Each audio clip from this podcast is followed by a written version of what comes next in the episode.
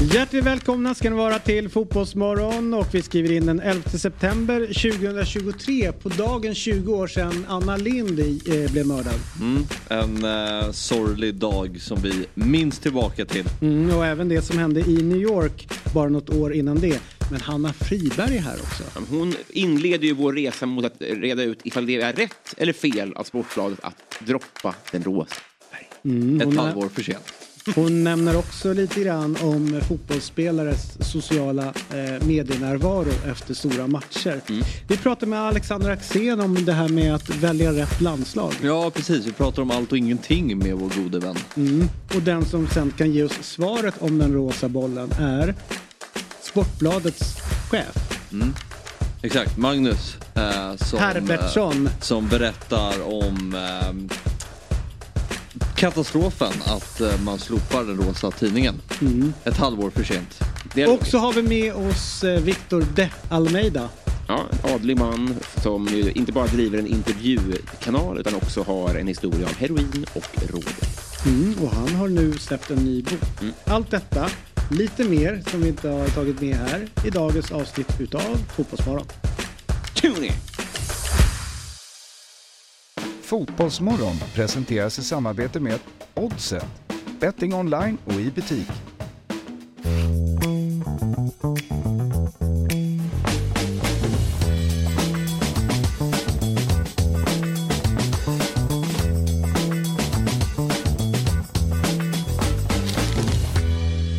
God morgon, hjärtligt välkomna ska ni vara till Fotbollsmorgon 11 september. Mm. Det förpliktigar på något sätt det datumet.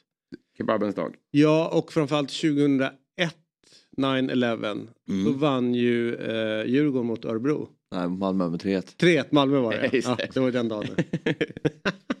Tänk en tanke Ja. till Örebro. Var det en bra match? Jag har faktiskt inte sett, Kära Örebroare. Ja. jag har faktiskt inte sett den i efterhand. Inte Har du gjort det? Nej, bara highlights. Det borde du ha gjort. Ja, det kanske finns någonstans. Men det är inte sjukt ändå. Jag, jag försöker komma ihåg hur det var där den 11 september eh, 2001. Om allting bara stängdes ner sen där på kvällen när man fick reda på det eller om man rullade på. Jag var ju så störd så att, men det har jag berättat här tidigare, att jag blev ju helt knäckt över att ett plan hade störtat in i World Trade Center. Mm. För jag trodde att det var World Trade Center i Stockholm. Så jag blev ju rätt så här, lättad när jag insåg att det var i New York. Okej, det var där. Jaha, det var inte allvarligt. Ja, Nej, vi, jag får men- behålla vår, vi får behålla vårt World Trade Center. Vi stä- Jag, vi jag, jag tror det var många av oss som fick reda på att vi hade ett World Trade Center i Stockholm på grund av det där. Ja. Mm, ni är yngre, Ja. jag fattar. Men har du ett minne från den här tiden? Nej, alltså jag, eh, jag, jag minns faktiskt ja, ingenting. Nej, Jag minns bara att Djurgården, nej jag skojar, nej. Nej men jag Djurgården, minns, eh, Djurgården spelade match då. Nej, jag, jag, jag, jag, jag minns det inte. Jag, jag har inga minnesbilder. Däremot Anna Lind har jag ju, det minns jag mycket väl. Ja, vad kul att du säger det. För att just idag så är det 20 år sedan på dagen som hon blev mördad på NK. Mm. Mm, ja, förlåt. Men hon eh, dödsförklarade, hon dog. Jag tror att det skedde den... Den tionde, Ja, då har du helt rätt. Hon dog idag, Ja. precis. Typ eh, fem på morgonen. Ja, så var det. Ja. Men det hände då den tionde. Mm. Stö- det där var ju också en riktigt stökig grej. Ja, det var det verkligen. Men där måste väl ni ha mer minnesbilder än, äh, än tidigare liksom, så här, tragedier för, Ja, för nej, det svenska exakt. folket. Ja, ja. Nej, men, eh, alltså, när World Trade Center hände var jag sex. När Anna Lind blev mördad var jag åtta. Ja, det, då gör, kommer du ihåg, eller det görs ganska mycket eh, på de två åren. Jag minns att, eh, att det mordet liksom, det etsade sig så starkt så jag, det tog ett tag innan jag vågade gå till NK. Är det sant? Ja. Ja. Jag, jag Jag vill från en klass där vi men- aldrig var på NK. Nej, exakt. Eh, och, kände, och, vågar hade ingen, exakt, och hade ingen koll på att det var en, en, en spårvagn där utanför. Jag vet att det var NK i USA. det- Exakt. Ja, just det. Vad gjorde hon där? Hon skulle vara på tv ikväll. Men det, det, alltså, om man ska ta bara ur ett egoistiskt perspektiv, så hur, mycket- hur ett trauma påverkar en. Så både alltså, tsunamin och Anna Lind var ju liksom en successiv tragedi. Alltså för först var det bara så att hon blev huggen i armen. Det var ju det, det, var ju det Mm, nyheten det. släpptes. Vilket gjorde att man inte blev så orolig. Och sen gick det ett dygn innan man förstod att det var på allvar. Och tsunamin var ju också så här, det tog ju flera veckor innan man förstod omfattningen och man var ett barn. Ja. Så att, då, på så vis. Men Det roligast är, eller roligast jag vill inte säga, men de, de går ju ut med ett signalement och ganska tidigt så är det någon 35-åring man, de börjar jaga. Det. Och han grips ju i samband med en fotbollsmatch. Han skulle gå på en Djurgårdsmatch. Det är, det är en Djurgårdssupporter. Och dagen efter han är typ häktad eller gripen där så, eh, så kör ju kvällstidningarna, alltså det är ju det största karaktärsmordet utan någon ever. Du vet som intervjuar, han bara nej men han är psykiskt instabil den här. Så sitter, ja, du vet, så här, Det bara smattrade på hur mycket shit som helst. Så var det ju inte han. Nej. Det var ju någon, någon annan. Men då har han ju liksom fått sitta där och sen så fått liksom hans så kallade polare som då uttala sig om Det var de som klev ut. klev ut och började berätta och jag vet, folk i hans närhet. Det var helt sjukt. Och alla var ju så här, ja ja men nu är det skitsamma. Oavsett om han har gjort det här eller inte så ska han sitta inne. Ja. Alltså det var ju på den Ja, nivån. precis. Ja, men, ingen rök utan eld. Ja exakt, Ja, klart att killen är skyldig till något. ja verkligen. Nej men den var ju stökig. Mm. Men vad härligt ändå att vi fick en liten eh, historisk exposé. Så här på morgonen. Det är därför vi finns till. Ja, det är ju så. Eh, och vi har ju fantastiska människor som dyker upp idag. Eh, bland annat Hanna Friberg. Trevligt. Mhm. Extremt trevligt. Alexandra Axén är med oss också. Har du ny skjorta David? Nej, jag har haft den väldigt länge men jag har inte använt den här i sändningen. Väldigt tjusig. Tack. Den är ny. Den är, jag kan, jag kan eh, med eh, lova på Scouts honor att den inte är det.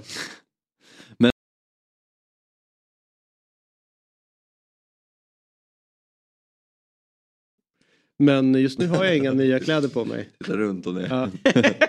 Har du lappen kvar? Eh, David Borg, sa jag det? PR-geniet. Ja, ja, ja, vad härligt. Och Magnus Herbertsson är med.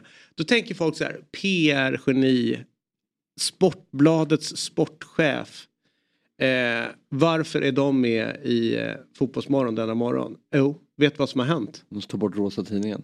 De, de ska inte, de har, De har, okej. tagit bort den rosa färgen på eh, tidningen. Så här är det. Jag och eh, Robin var iväg i eh, torsdags på ett sånt här sjukt eh, viktigt uppdrag. Vi skulle stå på en stor scen och prata inför många människor om Fotbollsmorgon. Ja, hur gick det?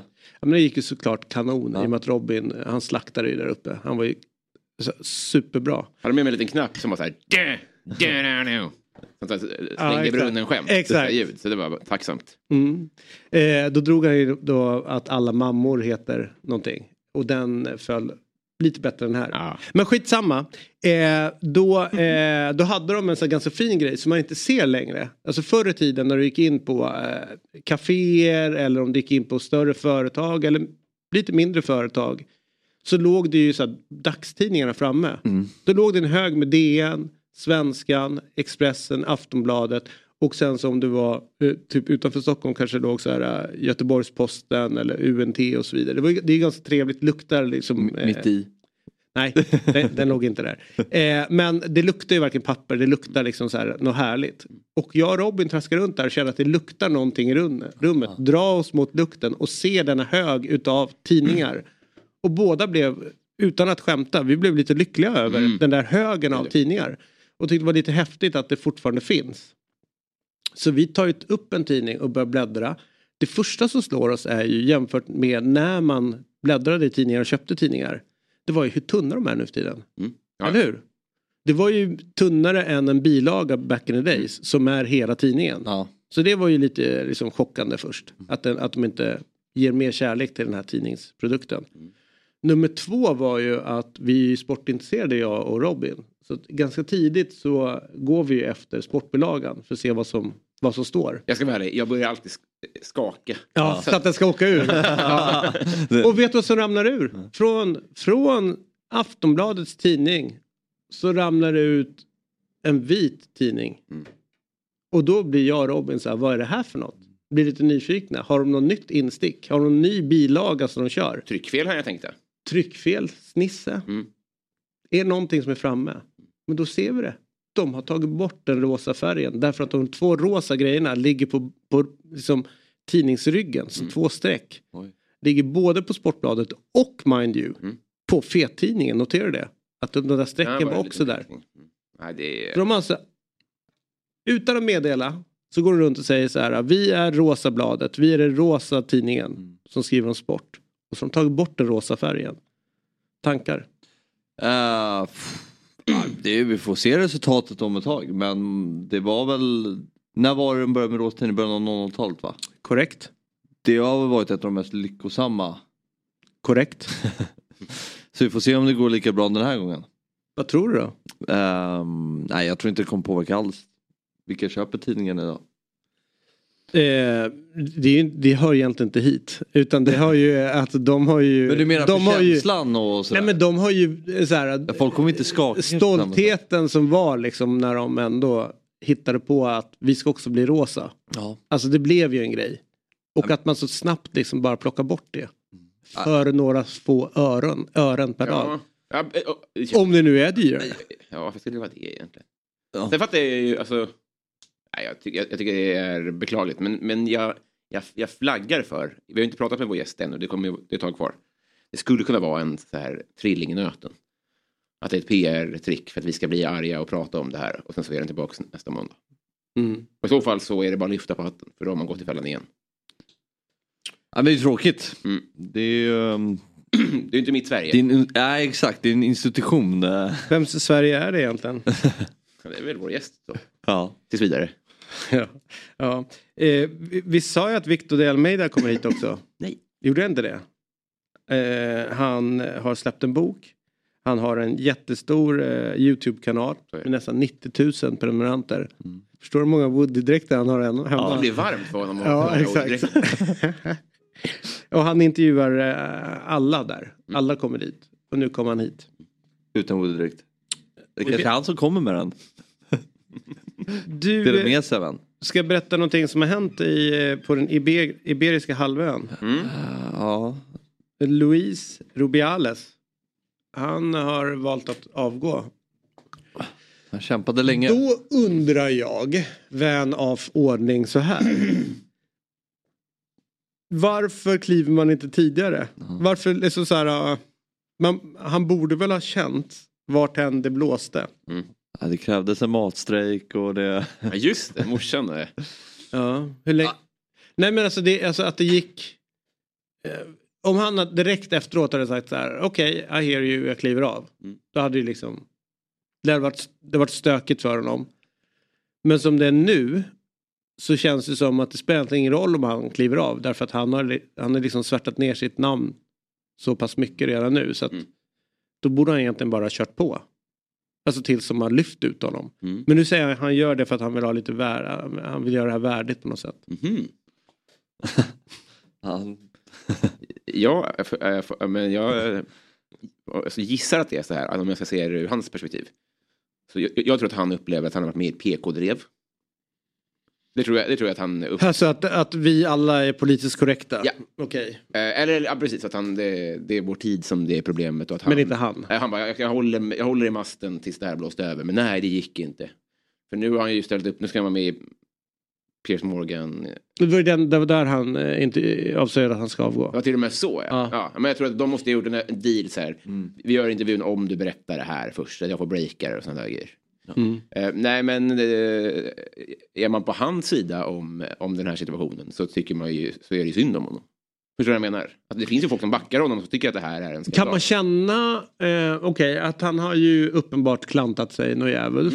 Mm. Eh, och han har mot var allting tyder på någons vilja gett någon en puss. Mm. Sådär.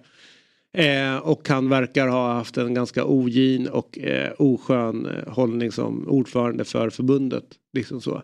Han, han, han är anklagad också för att ha tagit förbundets pengar för att eh, bekosta orger. Han har ju fler lik i garderoben sedan tidigare. Okej, men då faller hela min fråga. Okej. Ja, om det är så pass mycket för då, då orkar jag inte ens gå. Ja. Men du, eh, men han, eh, han är ju stökig. Tror, tror du att det kommer bli någon så här quick fix där nere nu? Att de hittar rätt direkt? Och vad händer med hon nya förbundskaptenen då som blev eh, Tomé? Som blev assisterande, som blev förbundskapten för dam, eh, spanska damlandslaget. Som inte har någon erfarenhet och det var det de hade gnällt på innan att eh, Vida då inte hade liksom kunskaperna nog att vara förbundskapten. Tror att hon kan sitta kvar nu? Och vad jag förstår så var han Vida hade precis signat ett nytt kontrakt när han fick lämna så han lär väl också bli liksom få betalt för fram. Alltså det är en riktig soppa. Det är inte så att han lämnar över att jag städade upp. Nej, precis. Vad tror du Fabbe? Nej, jag vet, ingen aning. Det är så, ja, ja, nej, jag... Det är klart, det är ju... ehm, Det är ju en speciell situation. Det är väl en... Ja, nej jag vet faktiskt inte. Mm. Jag vet, det, det här är ju en, mer en frågeställning som kanske lämpar sig när Fabbe inte är här. Det blev lite för mycket samhällsmorgon nu. Det var kul att prata om att skaka tid. Eller hur? Ja, det var det, det, det var kul, eller hur? Tänk att se framför hur du håller på. Så. Ja. Om man vill läsa mer om det här så är det bara att köpa första bästa Aftonbladet och skaka tidningen. Ja. ja, det är bra. Det var det kommer ut. Eh, Nej. Men... eh, nej men du behöver inte. Nej. nu har jag hittat energi. Nej men eh, vem är, vet man vilka som är kandidaterna till ordförande eller? Klart man inte vet. Nej men. Jag har ingen aning. Nej. Alltså så väl känner jag inte spansk fotboll. Här kommer ett namn ur röven. Hierro. Hierro. Mm. Hans, han var ju på väg in i någon så här Uefa exekutiv bla bla bla historia runt 2013. Alltså Mm. tio år sedan. Sen har man inte sett så mycket utav Hierro efter det. Förbundet. Men var det Rubiales som eh, sparkade? Han var ju, eh, han var ju landslagschef för, eh, för Spanien när, eh, nu står det med, Nej, Lopetegui fick sparken. när? Lopetegui fick Ja, sparken så klev väl han ner och blev eh, Perfekt. interim där, eller hur? Ja, VM 18. Exakt. Så han har ju varit några år på posten. Ja, men är han landslagschef fortsatt tror du? Det vet jag inte. För jag har för mig att han inte är det. Nej. Ringa honom. Ja, men det, vi har ju ändå människor som kan kolla upp det. Precis. Så att jag vet inte. Hej! David Fjell här från Dobb. Jag vill tipsa om att Eurotalk är tillbaka som podcast helt fritt där poddar finns. Vi spelar in ett nytt avsnitt varje måndag. Så när du lyssnat klart på Fotbollsmorgon och vill höra mer om den internationella fotbollen så finns vi där och dyker ner tillsammans med dig, mig, Martin Åslund, Christian Borell och Marcelo Fernandes. Eurotalk finns fritt där poddar finns. Men du, så här är det. Vi har ju länge suttit i den här studion. Imorgon i 300 avsnitt. Otroligt. Ja. Och roat oss över att fotbollsspelares usla, usla sociala medier-game Mm. not the result we wanted. Eh, och det minns vi ju med värme hur du noterade det. Hur du blev förbannad efter fotbollsmatcher Mm. när du gick in på sociala medier. Nu har det hänt en liknande grej fast också något som gör oss lite glada. Något som piggade upp. Landslaget publicerade den här efter vinsten mot eh, Estland. Eh, du ser där, eh, vi var jättekul att vi vann såklart. Men Forsberg, great win. Eh, but job not finished. See you all on Tuesday. Well done guys. Next stop Friends Arena. Victor Lindelöf. Jens Kajuste. We got the job done in Tallinn. Nu är det fullt fokus på tisdag. Ja, ja. De eh, är ju inne i det här och eh, sociala medieansvariga på förbundet tycker ju att de här tweetsen är så starka utav spelarna. Så att han väljer att ta en eh, motsvarande skärmdump på själva tweetsen och sen lägger upp bilder då på Instagram med respektive spelare i landslagsdräkt när den spelar med tweeten. Mm. Och eh, skriver följande eh, liksom, eh, text då till. Spelarna efter gårdagens vinst. Och så deras reaktion på det. Det här, enda roliga med det här är ju vinsten. Vi, vi han ju blev lite, lite upprörda över det. Tills vi såg nästa spelare. Ken Sema. Kul att spela fotboll. Jag älskar honom. Det är ju det här man vill få ut utav. Inte något så här, ah, okej, eh, vad har du skrivit? See you next Tuesday. För det första kan man inte säga det i England. See you next Tuesday. det? För det är en svordom. Svordom. See som är C, you som är U, next som är N, Ja. Tuesday som är T. Just det. Vad blir det? Ja, det blir kant. Dolt budskap. Exakt. Skickligt. Så de skriver ju liksom så här, de, de hånar oss. De drar ett långfinger. See you next Tuesday fjäll. Det är det jag får i huvudet. Otroligt. Utav alla förutom Ken Sema Ja. som välkomnar mig med att det är kul att spela fotboll. Så här är det då. Eh, att för att grotta ner oss lite extra i det här så har vi tagit med oss och hjälp av vår favoritinfluencer. Hon är ett riktigt geni. Hon vet hur man åker eh, Vasaloppet och gör det exakt lika snabbt som Axel Insulander. Dessutom så har hon eh, lyckats uppröra hela Sofia-läktaren på Tele2 utan att veta om det. Så hon fått halva ja, all, halva Djurgårdsföljet efter sig. Ja, Väldigt- Mig inkluderad. Nej. det, Fabbe inkluderat. Väldigt roligt. Sen har hon gjort en sjukt rolig grej. Den här sommaren, vet du vad det är? Hon skulle liksom testa nya saker. Hon Ja. ska säga ja till grejer. Så hon har ju kört. Hon har varit på Ibiza, Mallis, det har varit över hela Medelhavet. Och bara haft det härligt och visat upp sig och, och sina kompisar och liksom fått folk i Spanien att få en väldigt bra bild av Sverige. Sen har hon varit i Sverige och spridit den här positiva känslan. Så att sommaren som Hanna har haft är en sommar som vi bara kan drömma om. Ja, det är det verkligen. Men nu är hon med oss i alla fall.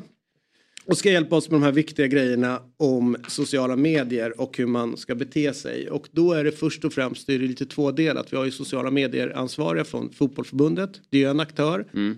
Och sen har vi alla spelare. Hur Mm. de beter sig i sociala medier. Så. Äntligen är du tillbaka hos oss eh, Hanna. Vi släppte ju dig innan sommaren. Sen har jag följt dig under sommaren via sociala medier och sett att du har haft en riktig kanonsommar. Det är nästan som man varit av, avundsjuk på dig. Och nu sitter du här eh, tidigt på morgonen, pigg, glad och hur känns det nu att vara tillbaka i Fotbollsmorgon? Ja, men det känns ju jättekul såklart. Eh, jag känner mig ärad varje gång jag får vara med i, den här, i det här forumet. Ja, Eh, nej, men jag har haft en toppen sommar och jag har till och med nu liksom ehm, eh, börjat få upp eh, ögonen för att gå på fotboll igen efter det som hände då där det här eh, drevet på Sofialäktaren. Så börjar jag liksom känna suget att komma tillbaks äntligen. Men, eh, Får jag bara ta en, för det där intresserar mig väldigt mycket för jag kände så lite med Djurgårdarna som blev så arga. Jag har aldrig varit så ensidig i en diskussion i hela mitt liv som jag var på din sida där. Men nu när du börjar få tillbaka suget, är det då, är du liksom på Djur, är du, är du djurgårdare nu? Eller blev det i ren affekt ett annat lag? Eh, jättebra fråga.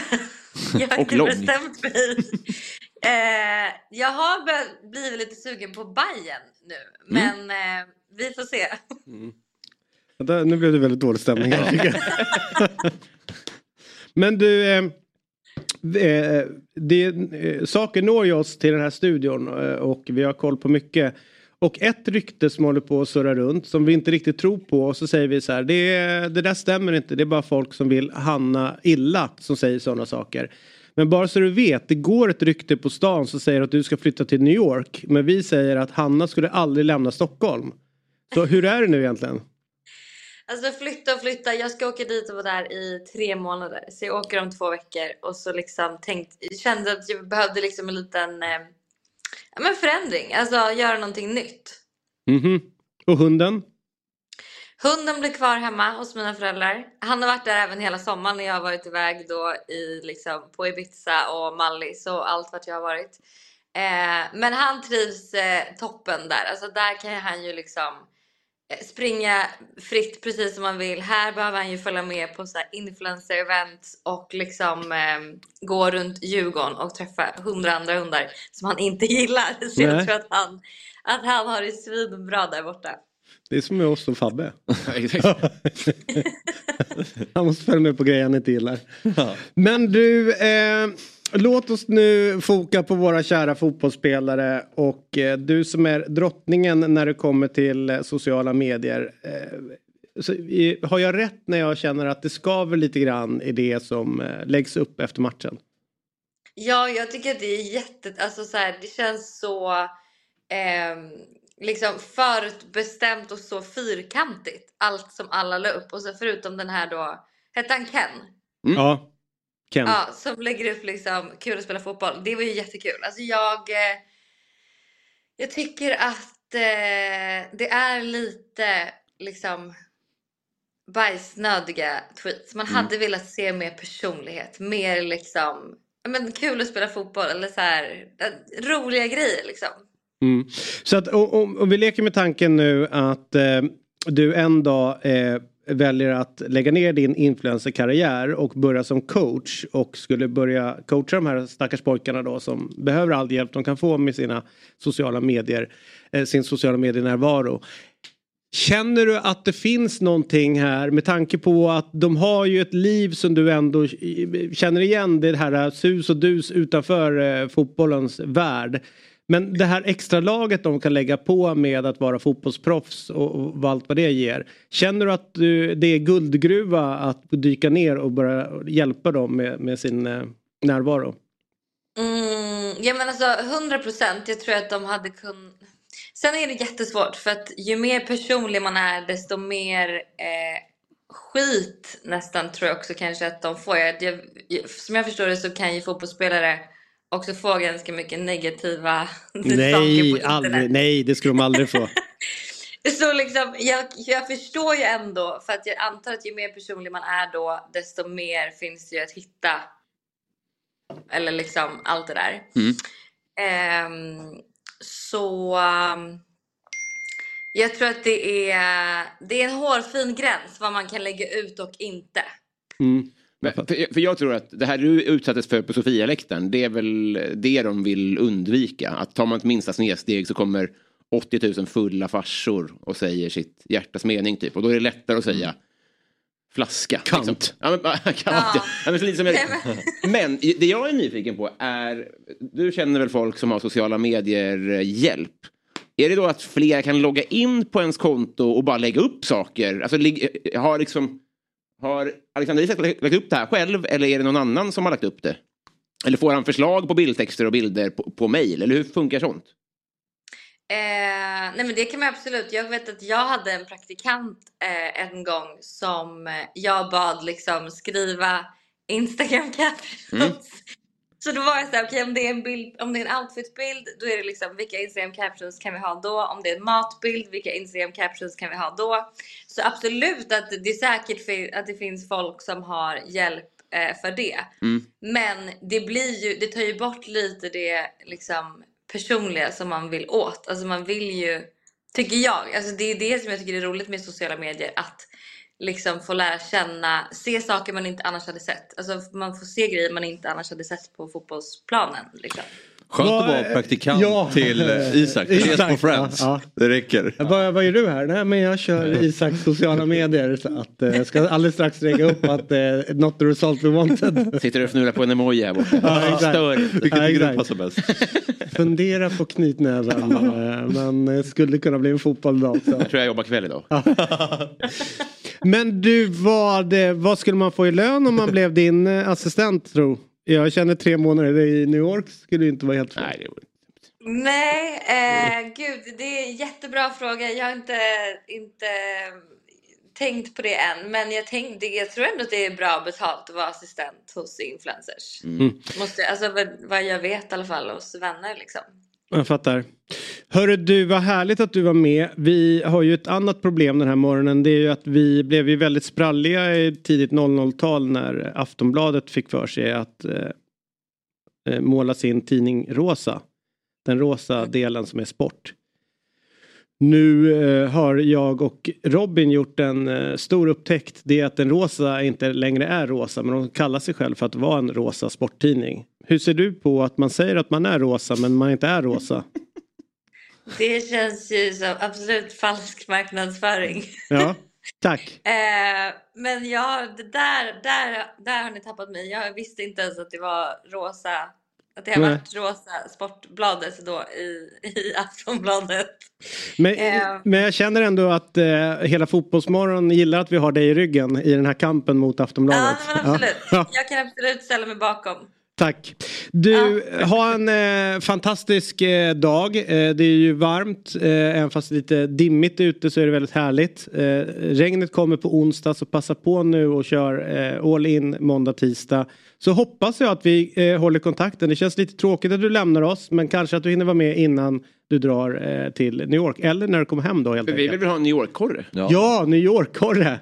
Där får det Ja. bli. Eh, Vi kommer alltså ringa upp dig ungefär ett på natten eh, för att få lite rapporter om. Det blir kul för dig. Ja, det blir det. Så får det bli. Härligt. Vi hörs från eh, när du är i New York, Hanna. Det gör vi. Hejdå! Tack, tack. Ja, men Hej, hej. Fan, det där är bra att påminna sig om att hon har inte noterat att Sportbladet är rosa. Och det tycker jag är, alltså det vi måste, man blir hamnar i sin egen bubbla. Ja. Att man tänker att det här media-Sverige är i gungning. Hon har inte sett det. Och jag tänker mer så här, hur kan man inte ha noterat Ja. det? Alltså du vet så här, någon gång måste man väl ha typ gått på tuben och säga ja där ligger en rosa tidning. Ja. Jo men, Nej, det är imponerande. ja, det är fan. Det, det tyder på att hon får på grejer hon bryr sig om. Ja. Man har säkert egna sådana. Det är jävligt roligt det här med See you next Tuesday, alltså eh, den här svordomen Ja. då som är lite mer, eh, eh, ja men den är ju lite, eh, det tåls att tänka efter lite grann. Eh, jag kommer ihåg när jag spelade fotboll i, eh, i England så var det en i motståndarlaget som var så jävla förbannad på mig. Så efter matchen så sa han typ så här, see you next Tuesday och jag hade nyligen flyttat till England och visste ingenting om det. Nej. Ja, okej. Så jag frågade honom så här, ja gör vi, vad kul, var, var ses vi någonstans? Och det var ju typ nästan som att man drev med honom ännu mer. Ja, precis. Att man inte liksom gick till attack utan man blev så här, jaha okej vad kul. Det är som så här, knulla din, mo- knulla din morsa och man bara, känner du henne? Ja eller hur, ja men det var verkligen. Good for her. Ja exakt. Ja. Så det är liksom... Har ni hållit på länge eller? Ja.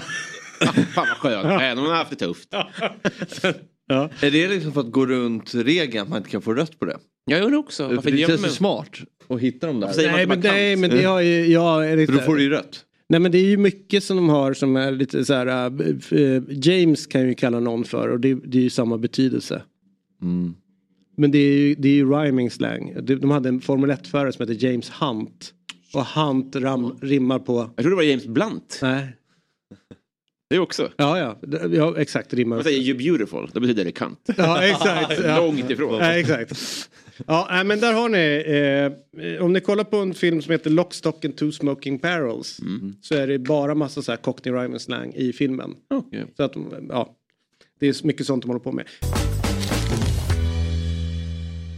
Vi är denna vecka sponsrade av Hantverksdata. Ett målbaserat affärssystem som hjälper över 100 000 hantverkare varje dag. De hjälper hantverkare att digitalisera sin vardag. Precis, vilken grej! Och vi kliver in i en period nu när det är matcher i de största ligorna och Europacuperna mest hela tiden. Såväl vardagar som helg. Så med hjälp av hantverksdata sparar man tid och pengar för att hinna se alla matcher. Och Fabbe, om man bortser från de här korpmatcherna du kollar på och fokuserar på de större ligorna. Hur många matcher ser du varje vecka? Ja, men jag skulle nog säga att det är minst tio, ibland fler. Så då gäller det ju att vara väldigt effektiv. Jajamän, och Hantverksdata har hjälpt hantverkare att spara tid och pengar i över 50 år. Allt är samlat i samma system där du hittar lösningar för bland annat order, projekt, service, lön och lager. Du behöver bara ett system för att effektivisera din vardag. Nämligen det från Hantverksdata. Av hantverkare, för hantverkare. Vi säger tack till Hantverksdata som är med och sponsrar Fotbollsmorgon. Ny säsong av Robinson på TV4 Play. Hetta, storm, hunger. Det har hela tiden varit en kamp. Nu är det blod och tårar. Fan händer just nu. Det. är Detta är inte okej. Robinson 2024, nu fucking kör vi! Streama söndag på TV4 Play. Ett poddtips från Podplay. I podden Något Kaiko garanterar östgötarna Brutti och jag, Davva, dig en stor dos skratt. Där följer jag pladask för köttätandet igen. Man är lite som en jävla vampyr. Man har fått lite blodsmak och då måste man ha mer. Udda spaningar, fängslande anekdoter och en och annan arg rant. Jag måste ha mitt kaffe på morgonen för annars är jag ingen trevlig människa. Då är du ingen trevlig människa, punkt. Något Kaiko, hör du på Podplay. Därför är gardinerna. Låt oss rulla vidare till en som faktiskt eh, kan mer om England än de flesta. Han kan mer om, Om fotboll än de flesta. än de flesta. Och han kan mer om att sitta och titta ner på de som har det jobbigare och lite sämre här i livet. Så att när Göran Persson en gång sa berätta inte för mig hur det är, jag har sett det och jag hatar det och alltihopa, ni kommer ihåg det. Så eh, är det inte, Göran hade ju egen erfarenhet. Just det. Ja. När eh, den, nästa gäst säger så här, jag har sett det, och jag hatar det och jag vill inte vara en del av det. Så är det att han tittar på det, alltså utifrån och in. Jaha. En, ett, ett, ett, perspektivskifte. Står det det i manuset? Nej. Nej. Eh, men däremot så har jag varit i Rynninge, så jag vet hur det är. Okej. Det är inte fattigt och det är, eh, ja men det, är- det, ett- det är ett liv Ja. Som är så fint. Mm. Eh, och vad passar bättre då att man placerar en väldigt fin människa i ett fint område, Ja, i ett fint liv. Lämpligast. Då blir det så här vackert som vi har på bilden nu. Alexandra Axén. Du är en som en, eh, som en eh, sommaräng att titta på. Vackert med alla blommor och eh, allt det härligt som finns. Så vad härligt att ha dig med Alexander. Ja, Jag vet inte vad jag ska säga faktiskt. Det här var det konstigaste jag har hört. ja, långt också. Lite långt, eller hur? Ja. ja, men annars var det fina ord.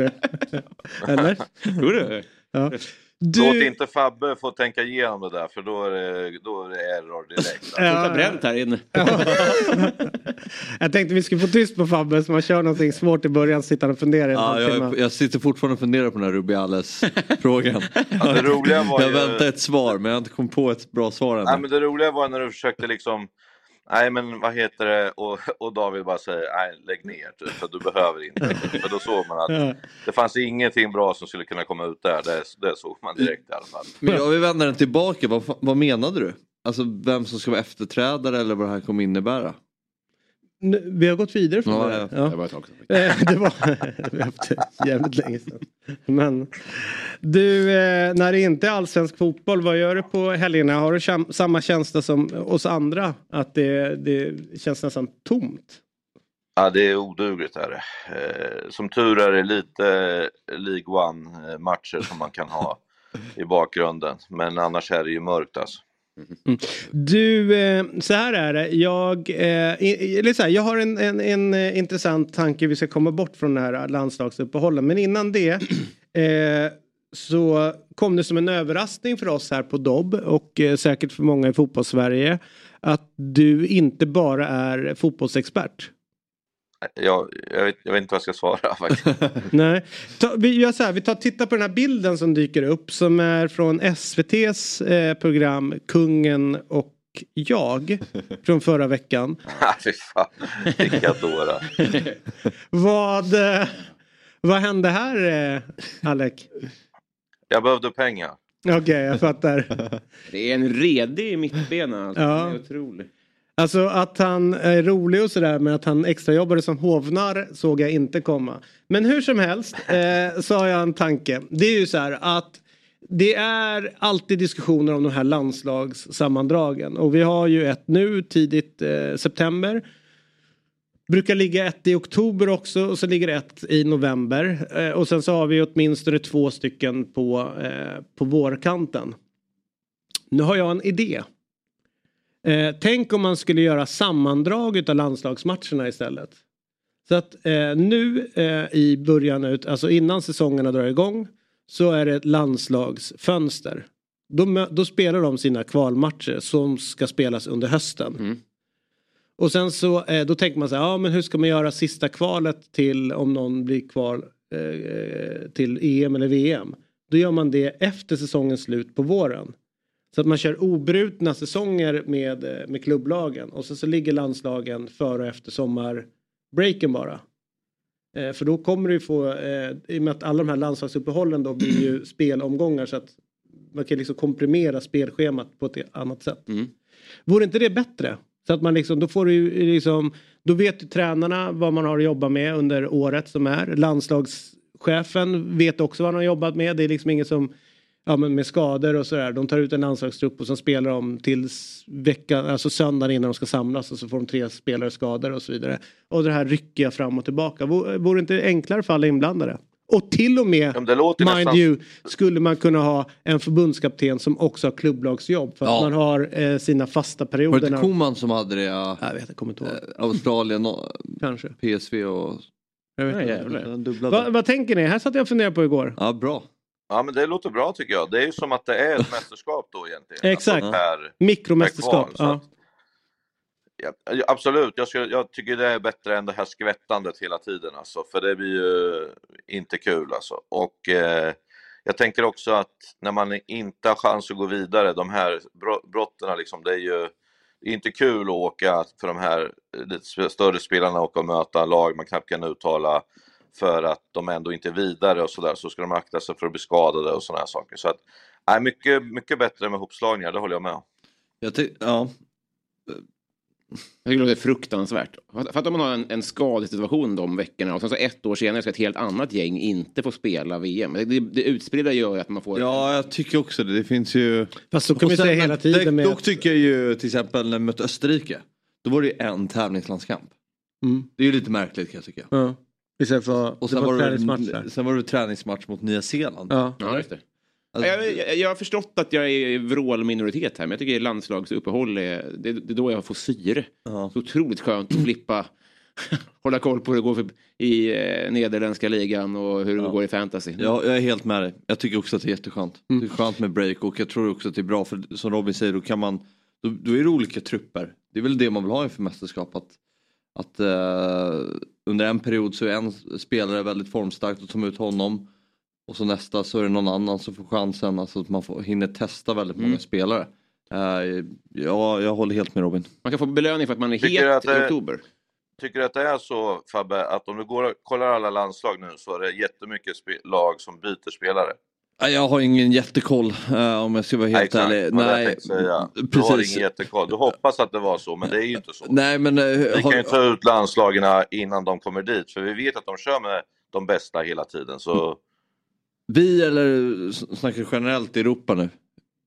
generellt. Ja. ja, jag har faktiskt jättebra koll på till exempel Portugals trupp och hur mycket det skiljer sig från samling man till måste också samling. ta men- andra länders eh, perspektiv och kanske inte bara vårt. Eh, Ja, det är klart, var det att- precis hur det. Nej men, ja, men ta Brasilien och sådana Ja. Argentina som måste flyga mitt under säsong ner till sina landskamper och sen flyga tillbaka. Det sliter ganska mycket eller ja, tidszoner och allt möjligt vad Mm. det nu är. Det skulle man också komma, komma till rätt med på det här sättet. Det blir inte liksom nu ska du hem igen till, till England och spela utan du, du gör dina landslagshelger och sen så Mm. drar man iväg. Så jag tror det är en krydda att Firmino är helt vimsig i huvudet för att han är så jetlagd. Mm. Det gör Ja. inte så mycket. Men det är ju härligt det här liksom, när truppsläppet kommer. Och nu blir det ju sällan några överraskningar. Men att, liksom, att det får, man kan diskutera lite truppen till nästa landslagssamling. Någon spelar for, formstarkt. Ta ut fler, de skulle kunna ta ut hur många som helst Ja. under en sån här grej och sen så liksom till den här matchen tar vi ut de här 23, 23 spelarna. Men att de har liksom, du kan ha 40 spelare med på en del landslagshelg. För att de inte, har- de, har, de ska ju inte iväg någon annanstans ändå. Alltså vet så, det skulle kunna vara, du skulle kunna få din palett av olika spelare som, som Men kör. du skit- menar att man då ska dundra igenom hela kvalet på typ två, tre veckor? Ja, Ja. absolut. Ja, bara så att, så att det, 100%. det är en samling. Ja, liksom. 100%. Ja, spännande. Och jag tror det skulle kunna bli ett jävla hype runt det hela liksom när, när man kör de här Ja. Eh, liksom, mi- mikromästerskapen som snurrar runt på kontinenten. Men vill man ha mikromästerskap? då? Jag tror det skulle kunna ha- bli en helt ha- fantastisk Ja. tid liksom att sitta och kolla på, på ett ja. kval. Intresset. Ja, ja, skitsamma. Du, eh, eh, Sverige 5, Estland 0. Eh, tyckte du att det såg bra ut? Ja, men det gjorde det. Eh, vad roligt att titta. Jag var på fisketävling i sjön Boven med mina syntpolare, men vi hade det på och eh, medan vi kastade dart och kollade på, på matchen. Så jag tyckte det var kul, det var mycket spelglädje och roligt för de offensiva spelarna att de fick utdelning. Så att eh, tyckte det såg riktigt, riktigt bra ut. Vad, ehm, fanns det någonting som stack ut lite alldeles extra förutom generellt då de offensiva spelare? Finns det någon spelare som... Nej, alltså Ken Sema är ju alltid kul att det går bra för. Jag gillar ju honom. Jag har tränat hans brorsa och sådär. Det var ju fint när han fick komma ner på kanten och chippa in den och han blev ju nästan gladare än Isak som gjorde målet där. Så det, det är liksom kul och som ni skrev, sa där att han hade skrivit att det är kul med fotboll. Så man älskar ju man älskar ju de personerna som liksom från hjärtat säger att de älskar att spela fotboll. För att jag hade en fråga en gång när jag tränade Örebro, liksom att varför spelar ni fotboll typ? Och jag, jag kan inte komma på att det var en enda som sa för att det är så jävla kul, utan det var massa andra anledningar typ och sådär. De har glömt bort att det är kul att spela fotboll. Mm. Eh, Så det gjorde mig väldigt glad liksom så här, att se att han var, mådde bra av att spela och sådär. Eh, Men eh, nej, annars tycker jag att det var bara bra rakt igenom faktiskt på ett positivt sätt. Mm. Om man eh, blickar framåt då lite grann då så är det ju mot Österrike imorgon 2045 på nationalarenan. Vad tank- tänker du inför den fighten? Jag tror att den här matchen var jätteviktig för det, för jag tror att de har fått tillbaka lite skön känsla och att man känner att vi kan ta dem och eh, jag är ganska säker på att man gör det också. Eh, det känns som att eh, man har knutit näven och nu kör vi och ingen tror på oss. Och det är perfekt för, för spelarna på något sätt. Så att, eh, och jag tror att det kommer att vara bra laddning på supportrarna också. Så att, eh, jag är ganska säker på att vi vinner där faktiskt. Mm. Hörde du, under förra veckan blev det en stor snackis efter att nyheten att Villareals 21-åriga målvakt Filip Jörgensen, född i Sverige, valt att representera Danmark på landslagsnivå. Landslagschefen Stefan Pettersson, gamla fotbollsspelaren ni vet. Kommer du ihåg honom? Ja, ja, han har varit här. Ja, ja, jag ska bara kolla så att du... Han säger så här, eh, vi får kritik, nu tappar vi den, nu tappar vi den. Det blir ungefär, varför gör ni ingenting? Men man vet nog inte hur vi jobbar eller hanterar frågan. Eh, vad är din eh, tanke på, på det här runt spelare som med dubbla medborgarskap? Hur mycket ska Sverige och landslaget och förbundet jobba på att få dem att välja Sverige? Ja, det, det kommer ju alltid vara så eh, i slutet av dagen, som det så fint heter, att hur bra är de? Hur bra tycker man att de är? Därför att är de så bra att man vill ha dem stenhårt, men tycker man inte att de är riktigt framme, så gör man inte det. Och då kommer man eventuellt tappa dem sen då, för att det är ju som med allt, eh, om, om jag inte tar ut dig men pratar med dig hela tiden och att det ser bra ut och vi har ögonen på det så där, så är det liksom lättare för dig att, att eh, köpa mitt resonemang. Men om jag eh, inte hör av mig och du hör ingenting och sen hör en dansk förbunds, för, män, människa av sig, ja då tror jag att det är lättare att man går dit också sådär så att eh, jag tror att det är hur bra man är faktiskt. För, ehm, jag hörde Olof Lund och hans kollegor rabbla vilka vi har gått miste om av den här anledningen. Och nu är det lätt att vara efterklok, men det är ju inga av dem som går in i en svensk startelva nu. Alltså Ahmedhodzic går väl inte in, antar jag. Eh, Eh, eh, vad heter Saman Ghoddos och vilka det nu var. Alltså det är lätt in, att, att man som publik, alltså i mitt perspektiv som inte är expert men som gillar att bli full till fotboll ibland, att man skriker väldigt högt. Men vi, vi ska inte paxa folk. Seneli var ju en diskussion, han valde, var det Kosovo? Att så här, hur, kan ni, hur kan vi inte ta in honom i landslaget? Jag menar 28 år och rapporteras från nära Elfsborg igen. Liksom. Ja. Nej men det blir nästan lite grann att man, man eh, skriker ju på landslaget utifrån vad man tror att spelaren har för höjd. Inte egentligen vad de är, vilken nivå de är på just här och nu. Mm. Jag eh, har väldigt svårt att se att man ska göra så mycket mer utan jag tror att det måste ändå komma ifrån en spelare vilket land man vill representera. Och det är klart att eh, om, man, eh, om man är spelare i Sveriges ungdomslag hela vägen upp så bör man kanske ha en känsla för att ligga ganska bra till här. Men ja, jag vet inte. Jag, jag har typ svårt Benjam- att se bli förbannad på Ja förbundskaptenerna. precis, men typ Benjamin Tahirovic är väl en, ett färskt Ja. exempel. Han valde väl Bosnien och det är så här. Ja han fick starta lite matcher för, för Roma men bara det, det säger ju inte att det är en att det ska vara en startspelare i landslaget. Nej. Jag menar, vi har ju många exempel på spelare som tidigare fick chansen i större klubbar. Ja, Till exempel Mohamed Tankovic fick chansen tidigt i Fulham. Det är inte så att det är garanterat att det ska bli liksom en startspelare i landslaget i många år framöver. Nej. Och sen det blir, det blir också så här att nedvärdera statusen på en landslagsplats. Jag vänder mig mot dem som säger så här, men ta ut dem och ge den personen en landskamp så, så man låser den personen. Det är också ganska taskigt. Ja. Att man på något sätt liksom så här, jaha, ja, men vi, vi vet inte alls vilken höjd du kommer bli men vi kastar in dig i sista minuten i den här kvalmatchen bara för att låsa dig.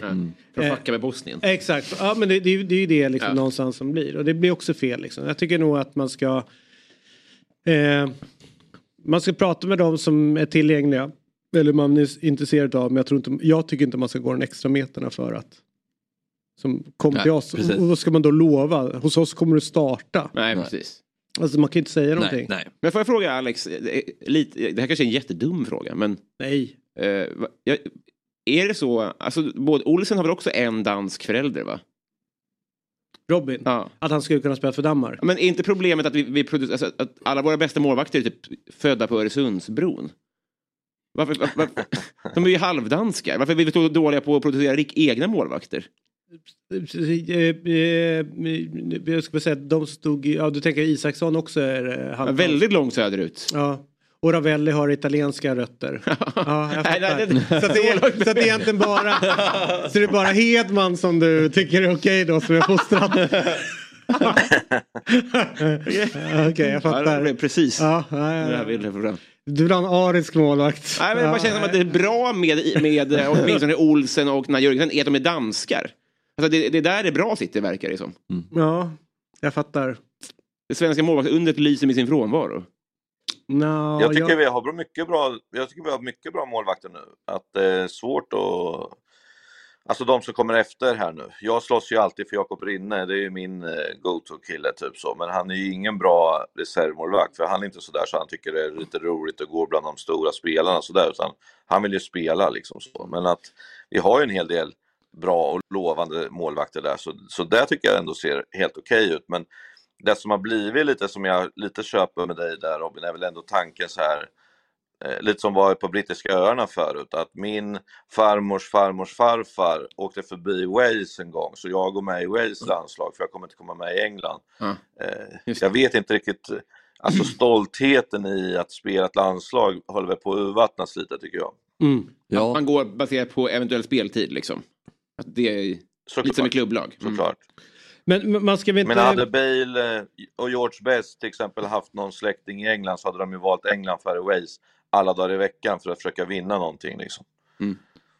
Det tänkte jag här när matchen mot Estland. Jag tänker så här Isak Kulusevski som är liksom nästan världstoppen. Hur, för dem att spela landslaget. Alltså fortfarande, finns det fortfarande är det samma stolthet idag inom fotbollen att representera ett landslag som det var förr i tiden? Jag menar åka och möta Estland borta. Jag menar det är en jätteviktig liksom, viloperiod för dem i, i, inför Premier League till exempel. Men inte med att alla, alltså jag, jag tror att det hade varit en sak om det var att eh, ja, men Messi, Ronaldo, alla de stora stjärnorna, vi spelar inte det där. Men i och med att de också drar iväg och, och, och spelar de här typerna Ja. av matcher gjort under alla år. Men däremot så tycker jag det är relevant när du tänker, nu tror inte jag att just de här nu fram och det känns ju ändå som att landslagsfotbollen börjar få någon renässans på något sätt med att det blir stökigare i världsläget så blir det också den nationella känslan mycket starkare. Ja, men det känner ju inte fotbollsspelare. Nej, nej, ja men de märker ju trycket runt matcher och så här. Men jag tänker att det är väl inte snarare, det är inte det som jag känner blir eh, problemet med att det blir eh, konstiga match, alltså att de måste åka till konstiga ställen. Men däremot så tänker jag generellt sett så börjar synen på lag har en annan klang. Och jag håller med dig om att eh, bilden man får är att känslan är att det var större för spelare förr i tiden att representera landslaget än vad det är idag. Det, det delar jag. Men däremot så när man pratar med sportchefer och i synnerhet nu här i Sverige eh, runt fönster och sådana saker att den här känslan för laget hos spelarna inte längre är detsamma utan de bryr sig inte att ah, vi har chans att vinna SM-guld här för föreningen, för laget, för supportrar. Om du stannar ett halvår. Men att det är verkligen så här, vi, nej, jag skiter i det, jag vill bara ut. Ja, men jag, jag vill bara, jag vill bara bort. Så att, är det någonting som du har sett den, den resan att spelarna blivit, tänker mer på sig själva än, än laget? Eh, Jag har hört det från flera sportchefer nu i det här fönstret. Ja absolut, Eh, och det är ju sådana tider. Men också så här med landslaget då, att du var ju nästan tvungen att spela landslaget för att komma ut eh, och bli proffs i andra länder förr i tiden. Mm. Idag så kan du slå igenom i Värnamo och sen så du är aldrig nära landslaget men du tjänar ändå pengar och har roliga äventyr. Eh, så, så därför tror jag också som det är lite Fabbe att, att landslaget har ju också tappat sin charm för man kan slå igenom ändå. Man har en scoutingverksamhet i världen än vad man hade förr. Liksom.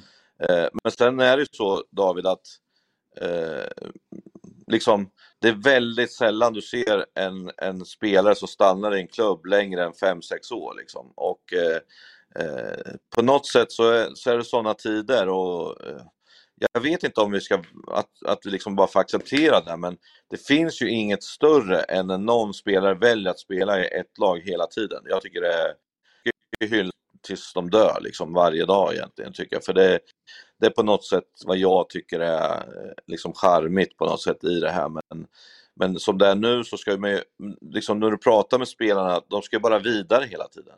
Mm. Och ett tag som jag hade problem med för kanske 5-10 år sedan, det var ju att de på riktigt sa att de ville bli proffs. Men de var ju proffs i Allsvenskan då. Men de menade utlandsproffs liksom så. så att, ja, jag, jag, jag har svårt för det där. Men Det är lätt att säga också för att de där pengarna är svåra att tacka nej till. Det är som de som säger att eh, man vill spela i Europa. Ja, just det. Man bara, "Åh, fan. Och Sverige ligger i Asien. Ja, men du, eh, sista grejen innan vi lämnar oss, eh, när du lämnar oss för friheten i Rynninge och, och ta tag i den här fina dagen ni har där. Eh, jag har hört att det är någon garden party hos grannen. Vad tycker du om att Sportbladet inte trycks i rosa längre? Besvikelse såklart. Eh, de har ju slagit på stora trumman om det där och det där har ju varit lite eh, att man tyckte de kopierade Gazettan och liksom de överlevde det hånet från början. Att de gör det är ju jättekonstigt för mig. Jag fattar inte varför. Nej. Eh, nästa är det gång du... priset tror du eller? Eh, så här, vi, vi har med oss deras sportchef alldeles strax och han kommer ju ställas mot väggen å det grövsta. Men eh, gör du Ja. också den där eh, upp och nervända grejen att du skakar ut sportbilagorna från tidningarna? Självklart, man börjar alltid med det bästa. Ja. så är det. Grejen var ju att när jag var tränare så läste jag ju ingenting. Eh, så det var lite kul när jag Det säger du slutade bara. sen och få, och få läsa. Vad sa du? Det säger du bara. Nej. Eh, det är ungefär som att jag skulle ha ringt dig varje dag Fabbe när jag var tränare. Det hade inte gett ett skit liksom. Så att eh, det som är grejen nu är ju att nu får man ju läsa lite hur de tänkte och hur de gör och sådär. Och det är ju ja, det är jättekul att se när man, när man jobbar där också. Eh, hur de sliter sitt hår när det blir 1-1 på slutet och sådana grejer. När hela jävla krönikan är åt helvete liksom. Sånt där tycker jag är skitkul faktiskt. Ja. Du, innan vi lämnar dig, sista fråga innan vi ska ta in vår nästa eh, gäst här eh, under morgonen. Eh, Irma borta, Micke Stare borta eh, från er. Hur tomt är det, tycker du? Ja, jättetråkigt såklart. Irma blir ju glad för, hon har blivit mamma och det är ju liksom det livet går ut på. Så det är glad för hennes skull, men jag saknar henne jättemycket i sändningarna. Och Micke tycker jag också börjar komma in i det och liksom sprider mycket energi och det är alltid kul att gå ut och käka med honom med historier och grejer. Men eh, vad jag förstår så, eh, så behövde han det här och eh, eh, det är bara att gratulera egentligen, för han är ju en proffstränare ut i fingerspetsarna. Liksom. Han, eh, han åker över hela jordens alla hörn och gör ett jävla jobb hela tiden. Så, där. så att det är bara att gratulera honom för det är ju ytterligare ett äventyr som han kan bocka av som många tränare i Sverige inte får chansen på ens en gång. Så att, nej, jag är imponerad så, men som sagt, jag saknar dem båda jättemycket. Om du känner dig ensam någon gång så vet du, då är, då, då är det bara att lyfta luren. Ja. Om jag skulle fick ringa då kan det ju hända att du får ett eh, meddelande Fabbe, annars är det ju helt omöjligt.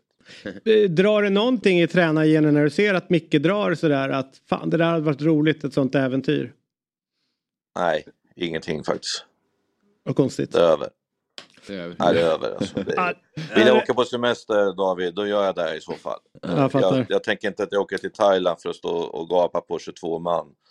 Nej, för fan, det där är över. Jag fattar. När du slutar på Discovery så lovar jag att du har ett jobb här. Du, tusen tack för den här morgonen eh, kompis. Du eh, gör ett eh, jävligt viktigt och stort jobb för svensk fotboll. Ja, ni då, det ska man inte underskatta vilket jobb ni gör. Det är härligt alltså. Ja, och sen tack. Fabbe, du vet att jag gillar dig. Ja. Det är bara så. Ja. Det gör.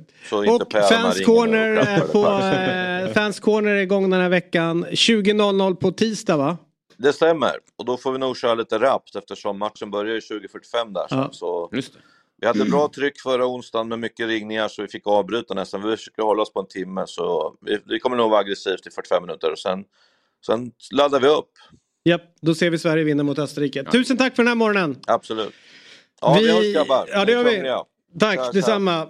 Nu har vi typ rätt ut det hela med eh, Hanna Friberg och Alexander Axén. Eh, om det vore det här med den rosa tidningen. Okej. Men det vore tjänstefel om vi inte tog det här vidare med ett PR-geni. Och när jag nu säger PR-geni så ska jag säga att det är en av de största genierna Ja. som snurrar runt. Han kan det mesta om kommunikation. Han eh, vet hur man ska skapa buzz runt varumärken. Och han vet hur man kommer igenom bruset på ett imponerande sätt. Och vi har med oss eh, David Borg. Men han skulle kunna kallas för Conny också. Så vi testar med. God morgon Conny, hur står det till? Äh, men, äh, men du kan köra David Borg då. Hej! Ja, vi, hej! Hej! Eh, hörru du, eh, det är ju så att jag och eh, Robin Berglund och, eh, hamnade i ett chockläge eh, med eh, Rosa bladet. Sportbladet. Det är inte rosa längre. Och eh, kommunikativt så har ju de ändå satsat ganska mycket på att de ska vara det rosa liksom, eh, alternativet. Och nu är de vita. Hur illa är det här för varumärket Sportbladet? Men det kommer ju alltid vara rosa i huvudet tänker jag. Eller ett tag till. Det är lite som eh, Twitter nu döpt om sig till X. Det är fortfarande Twitter. lite samma sak tänker jag. Det är, eh, allt blir sämre med tiden här och eh, även Sportbladet. Så, eh, så jag vet inte. Men eh, ja, det, det är väl tråkigt. Man, sa, eh, man gillar ju rosa färger men den eh, trycks då fortfarande. Finns det? Finns Sportbladet som tidning fortfarande? Ja, vad kul att du eh, eh, frågar det. Därför att jag och eh, Robin var på en väldigt viktig eh, tillställning och eh, höll viktigt föredrag och samtal inför en stor, stor publik. Kan Eh, tänka och- mig. Ja, och eh, Robin var grym på scen. Eh, men eh, då låg det i alla fall en hög med tidningar och vi blev överraskade över att det låg så många tidningar upp, upplagda som förr i tiden. Och gick givetvis fram där. Och där låg i alla fall Sportbladet. Och var väldigt tunn. Kan, men kan det inte vara lite så här, uh, nu har Sportbladet, den rosa bilagan har funnits i 20 år. Kan det inte vara så här, det räckte där. Tack för alla minnen, vi kommer minnas dig. Mm. Men Gazettan har funnits ännu längre. Jag vet, men ibland så kan det vara skönt att blicka tillbaka för något som inte längre finns. Vilken färg tycker du de ska ta? Grönt eller? Nej men vitt. Och så minns vi bara de goda tiderna Fast det var och alla som- minnen. Ja fast det det de, de, de, de, de Måste insåg- allt vara för evigt? Nu Ja. börjar jag vända här. Nej, ganska mycket bör, bör vara för evigt tycker jag. Men eh, grejen är att det var ju, de, de stack ju ut. De hittade ju någonting för att särskilja sig från, eh, från Expressen. Och att alla lyckades ändå koppla ihop det med... Ja. Ja. Nej men eh, okej eh, David, Men du som är expert väl- på det. Du får eh, svara på Fabbe här. Nej men de vann väl kriget mot eh, Sportexpressen. Det, Mm. det är väl eh, så, så man kanske kan sammanfatta det. Det tog 20 år men nu, nu har de vunnit. Så nu, nu lägger vi ner den rosa färgen och kör eh, vitt. Det är billigare också med vitt tryck kan jag tänka mig. Så eh, Är det vapenvila? några miljoner per år på det. Men eh, jag, en konspirationsteori från mig då. Det, det var det jag nämnde innan. Kan det här vara en trillingnöt? Alltså en, ett PR-trick för att sådana som vi ska prata om det. Och sen så säger de vi retirerar, vi ångrar oss. Vi, vi tar inte alls bort trillingnöten från vår jävla chokladask. Och sen så kommer folk köpa mer chokladask, alltså rosa tidning efter det här. Ja, alltså, alltså just med Aladdin-asken så har de haft en PR-byrå som alltid har gjort en grej inför julen om att ta bort en eh, pralin. Det, det, det har ju varit liksom en strategi som de haft i flera, flera år. Eh, faktiskt. Eh, så det har ju varit eh, nå- någonting som de alltid har jobbat med. Att man, vi tar bort en pralin och så blir folk helt rosenrasande och så vidare.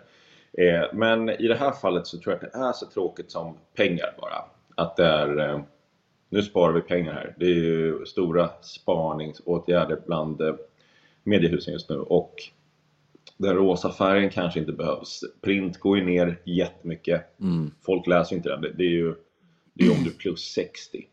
Mm. Eh, eller David Fjell. Ja, nej, nej jag, jag är faktiskt eh, kul att du tar upp min ålder här som alla brukar skoja om. Jag är ju ett inte så gammal och nummer två var väldigt tidig över att bli digital. Så att eh, du kan eh, stryka mitt namn därifrån, min gode vän. Men du, eh, vi har ju också fotbollsspelare, dessa sorgebarn i sociala medier. Eh, och vi visade ju för Hanna Friberg här om deras, eh, vad de skrev efter matchen mot eh, Estland och alla är ju får man säga ganska torra och tråkiga i det sätt de uttrycker sig efter matcherna. Vad tänker du när du ser spelarnas eh, typ eh, good win, eh, great win but job not finished, see you all on Tuesday eh, och så vidare. Va, vad tänker du? ChatGPT. alltså det här är ju väldigt eh, strömlinjeformat och liksom generiskt. Alltså, idrottare är ju inte roliga människor. Eh, det måste man ju komma ihåg. Eh, Mm. Och speciellt intressanta. Alltså, Jonas Olsson, eh, vår kära gamla mittback, han, han blev ju typ hyllad och geniförklarad för att han hade lyssnat på Bob Dylan. Mm. Så det sätter lite så här ribban för idrottare. Så han hänger ju liksom med mediamän idag och inte idrottare för att han lyssnar på Bob Dylan. Eh, så det, det säger någonting hur liksom, var ribban ligger för, för eh, fotbollsspelare idag. Och En fråga David. att. Eh, Är det, är det fotbollsspelarna då som eh, är så pass Eh, ja, men, leker med tanken då att eh, Jonas Olsson blir upplyft i, eh, i, liksom, i, i hyllorna högre och högre upp för att han då anses vara liksom intellektuell för han lyssnar på Bob Dylan. Men är det egentligen Jonas Olsson som är problemet eller är det så att sportjournalister är för dumma i huvudet och tycker att det är extremt att någon då kan lyssna på Bob Dylan eller läsa en bok? Alltså att det är, Ja, problemet är inte ja, själva det- dem utan det är journalisterna som är för dumma i huvudet, typ jag. Ja, men det är nog en kombo. Det är nog sportjournalister och, eh, och eh, fotbollsspelare i, i någon slags kombo där egentligen. Men jag, jag tänker väl också att så här, just nu som klimatet är just nu så får ju fotbollsspelare inte tycka så mycket. De tänker väldigt mycket på sina varumärken de, och deras varumärkesstrateger eh, får ju dem att inte uttrycka så mycket sig, varken om politik eller liksom, vad som händer i landet. Om man tar nu Qatar och Saudiarabien, fotbolls-VM till exempel, så är det inte typ någon fotbollsspelare som gått ut och sagt att det är för jävligt med den nya moderna fotbollen i stort sett. Det är ju väldigt få som går ut och tycker någonting överhuvudtaget om någonting egentligen. Eh, och så, det blir ju så här, det, det, det är så här de, de ska inte vara några liksom personligheter. Det är ju det, det de gör på fotbollsplan som ska uttryckas egentligen. Om man tar till exempel goda 90-talet med, med massa härliga fotbollsspelare. Ta Robbie Fowlers eh, målgest liksom när han låtsas snorta kokain längs linjen där till exempel. Det skulle aldrig hända idag. Alltså den spelaren hade blivit eh, cancelled eh, till, till exempel och eh, den hade ju liksom inte haft några samarbetspartner överhuvudtaget. Alltså fotbollsspelare idag kan inte göra någonting. Alltså de, det är ju liksom de är till för... Det är en stor industri som också ska underhålla barn Mm. eh, på ett Mm. helt annat sätt. För en, en sista. Ja, ja, självklart. Har du på, på rak arm något exempel där någon har gjort en Sportbladet, alltså gått ifrån sitt jättestarka signum och sen har de åkt den på sån smäll av dålig respons eller dålig försäljning så att de har gått tillbaka. Alltså har hästens slutat vara rutiga? Har Triss slutat vara gula? Finns det något sånt där? För jag skulle vilja att det här straffar dem på något sätt. Ja, Ett, ett, ett, du menar ett varumärke som har gjort så? Ja. Ja, in, inte en fotbollsspelare som var Menta. Jag har gått tillbaka och var tråkig igen. Ja. Nej. Nej. Eh, oj. Eh, ja, men det, det finns ju såklart flera sådana typer av exempel. Eh, oj, nu tar du mig lite på sängen här. Jag sitter faktiskt på en stol. Ja, men det, det finns flera sådana varumärken som har gjort det. Jag, jag kan skicka över det till er senare så kan ni få. Jag, jag har en, de sitter långt bak i huvudet men jag kommer inte på det på rak arm här. Men det, det, det händer absolut att det är några som ska ta fram en ny ja, design för hur det ska se ut. Alltså, och, och gå tillbaka till det gamla eh, till exempel. Absolut. Så, så det, det händer ju. Men, eh, men ja, det, det händer. Det Absolut. får du gärna skicka. Kan vi sätta det, i ansiktet på sportchefen? En, en ganska känd grej, nu kommer jag inte ihåg om det var Chanel eller nå, nå, något liknande utav de där fin parfymmärkena. Eh, 80-90-tal typ, början, slutet 80, början på 90-talet så hade de, alltså parfymerna hamnat i fel grupp utav människor tyckte de. Det var inte den målgruppen de ville ha. Och då gjorde de ju en ganska intressant sak. De tog ju reda på vad den målgruppen som idag använder parfymen hatade. Och nästa reklamkampanj så gjorde de exakt det. Och då tappade de ju hela den och kunde branda om det och sen söka då rätt. Så att det var ju... Det är det Sportbladet gör nu. De vill bli av med oss, De vill just bli av med oss tre. Eller, eller så vill de bli av med 60-plussarna. Ja, precis. De älskar det rosa. Jag menar, ung, kidsen gillar det, det, den vita tidningen. Tokig vitt. Exakt. Men du David, tusen tack för den här morgonen eh, och att du ville vara med oss. Eh, och vi håller kontakten. Ta hand om er. Ja, detsamma. Hej då. Och eh, vi gör så att från en David till en annan, för han heter faktiskt så i förnamn. Eh, men innan vi får träffa honom så tar vi en kort paus.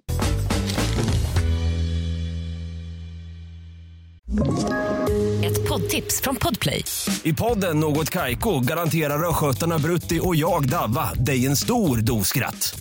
Där följer jag pladask för köttätandet igen. Man är lite som en jävla vampyr. Man har fått lite blodsmak och då måste man ha mer.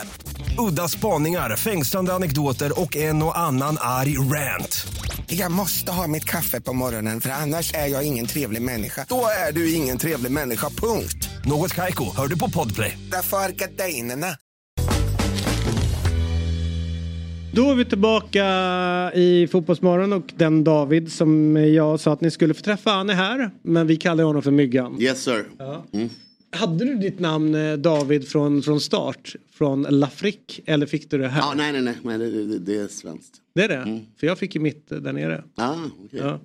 Undrar hur med de andra? Du sitter och tycker det är konstigt här. Jag undrar om Le Frick var en krog. Jag förstod inte hur man får ett... Ja, men... Så han smekte på Afrika. Ja, jag förstod det sen. Jag tänkte... Ja. Ja, jag håller med. Lafrick. Lafrick. Ja. Ganska bra krognamn. ja, det är det. Lite hungrig. Och bra namn på Afrika. Mm. Eh, så kan det vara. Du Myggan, vi satt ju lite grann och pratade här om amerikansk fotboll. Eh, jag har bara en snabb fråga till er, för det här är någonting som har fascinerat mig. Eh, tror ni att eh, om, om det skulle vara så att vanliga fotbollsspelare fick mindre tid att tänka själva i form av löpvägar och sådär. Utan det skulle vara mer som i amerikansk Mm. fotboll. Styrt. Skulle vi få se en bättre fotboll? Ja, men i långa loppet säkert. Det är inte kort, kort sikt skulle det vara väldigt eh, en lång eh, learning curve. Ja. Frågan är är, mycket, frågan är hur mycket det går. Men jag Mm. tycker man kan se tendenser till det i dagens fotboll med De Serbi och Guardiola stundtals. Och så att det finns väldigt mycket som är tränarstyrt. Men eh, jag tänker ändå att fotboll är en sån flytande sport. Det uppstår så mycket situationer hela tiden som gör att det kanske blir svårt. Men ja, absolut kanske.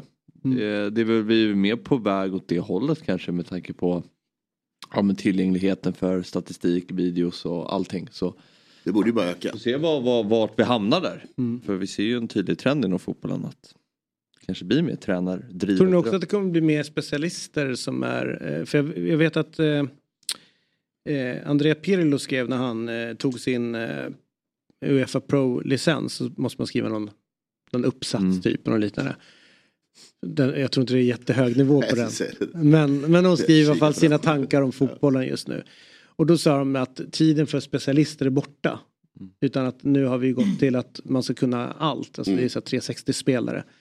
Men då är frågan om när den pendeln slår tillbaka. När man får mer specialister kommer det då bli mer styrt på Ja. backen. Alltså spelet. Ja, jag tycker i alla fall det är intressant att se vad fotbollen kan lära sig av andra sporter.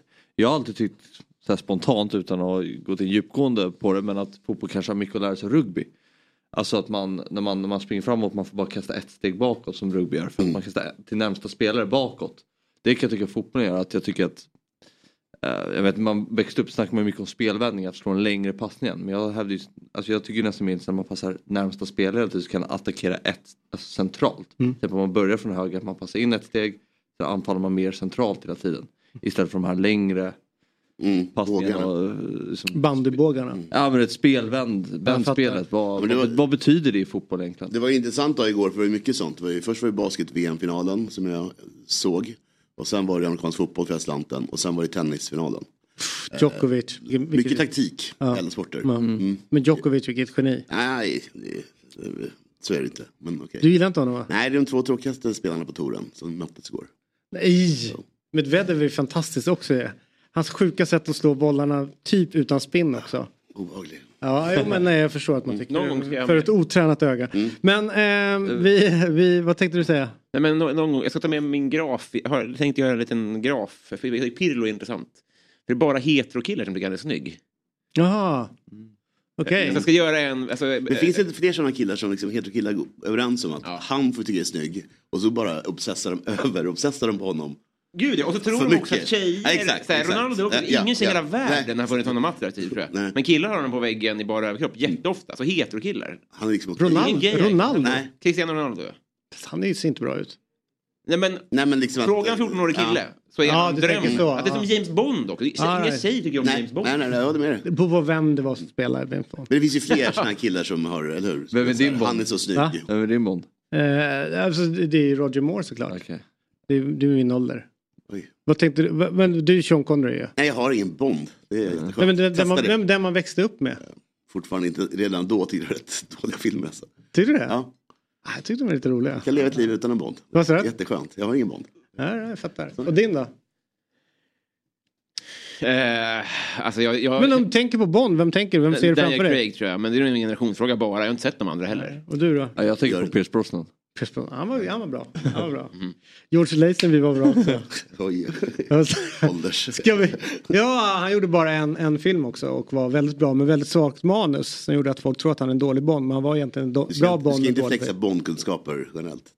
Jag har ju för fan rattat, jag har ju ratt, rattat Bondkvällar. Ja, Ja. Lägg ner det till små bokstäver. Dry Martini, Shaken Not Stirred. Ja. Det har man blivit jävligt packad på. Tredje, tredje filmen. Vaknar man upp i åttonde så här. Oh. Har jag missat något? Ja. Mardröm.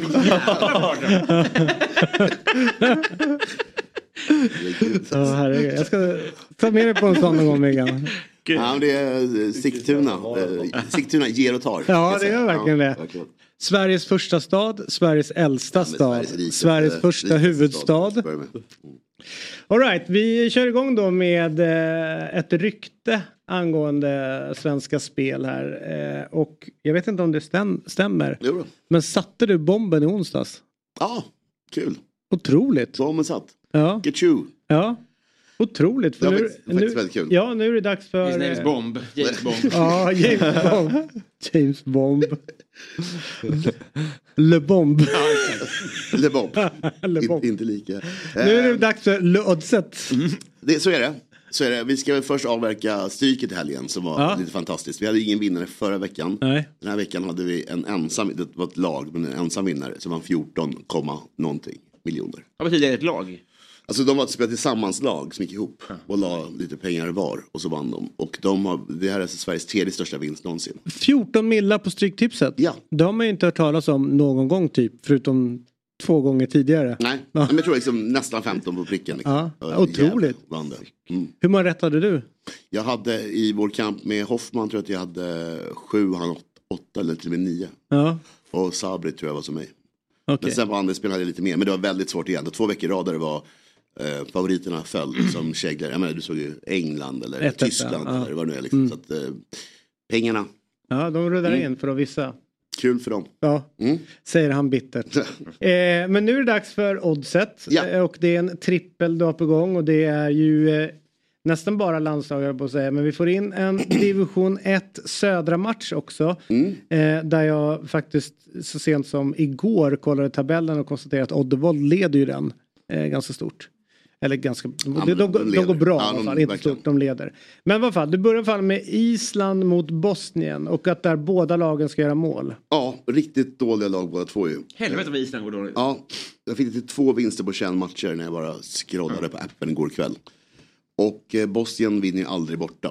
Men med det sagt, de vann 3-0 mot Island hemma. Eh, Island förlorade mot eh, Luxemburg eh, 3 eller 4-1 i, i torsdags och onsdags. Jag Mål Lagerbäck mål nu alltså. Ja, jag, jag, jag tror att de gör mål här båda lagen. Men, men sagt vad, det kan, gå, det kan verkligen gå hur som helst. Eh, De behöver göra om, göra rätt, båda lagen. Vad har de för landslag idag Island? Vilka lirar?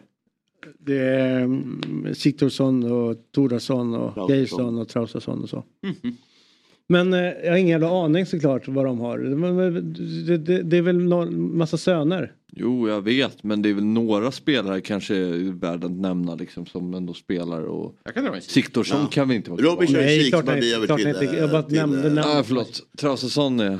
Treris, vad heter det, Treriksrösets... Vad? Vad heter det, Trollhättan? eh, Heter inte det? Jag tänkte på hur många allsvenska spelare startar, det är väl ganska intressant. Nej, absolut inte. Ja, Okej, ja, bra. Vi går vidare. Lettland Wales då? Nej, för- Trollhättan Oddevold där nu. Som sagt var. Där... Dålig stämning. Ja, alltså. Vaknade på fel sida de, Vabbe.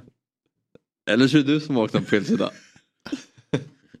Måndagar alltså. Ja, Vad fina. dag. Äntligen måndag. Ja, Bästa dagen. Ja.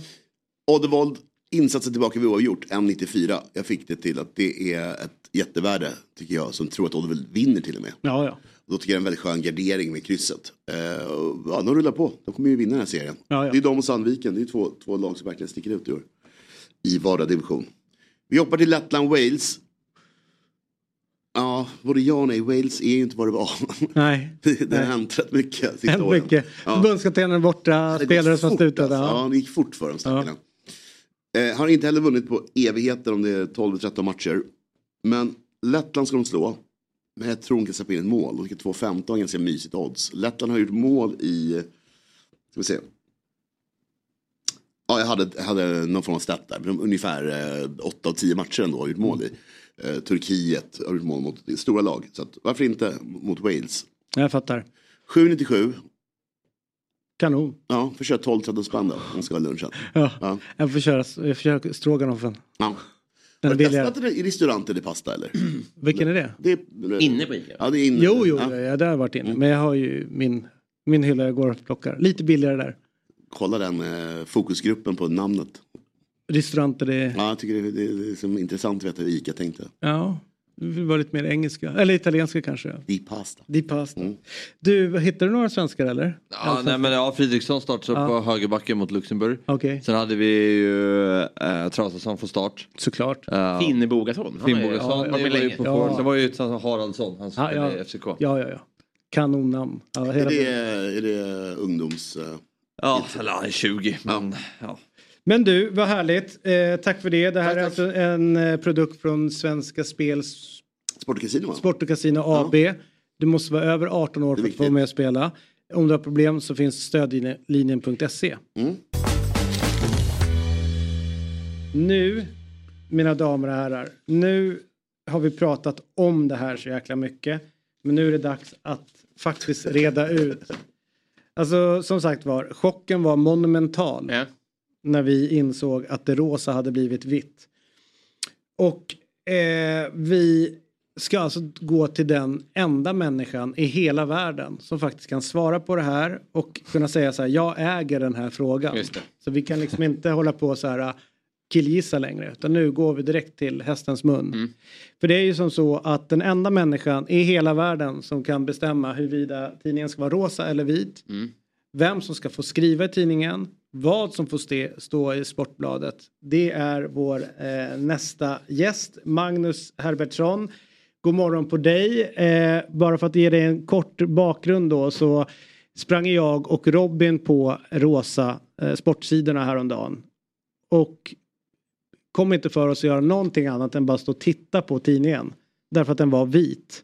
Och hela er grej är ju att den är rosa. Och då undrar jag, eh, min kära vän Magnus, hur tänker du här? Ja, men det, jag tänker att vi fortfarande är rosa såklart eh, på eh, webben. Eh, och vi har ju lite rosa element också i papperstidningen fortfarande. Ja, men på jag är, lite, jag är lite road av att chocken är monumental när ni inser detta. För att det hände ju faktiskt för ett halvår sedan. Ja. Säger något om tryckmedier. Ja. Ja, lite faktiskt. Ja. Och hur gick diskussionen där på redaktionen när ni eh, liksom släppte det rosa?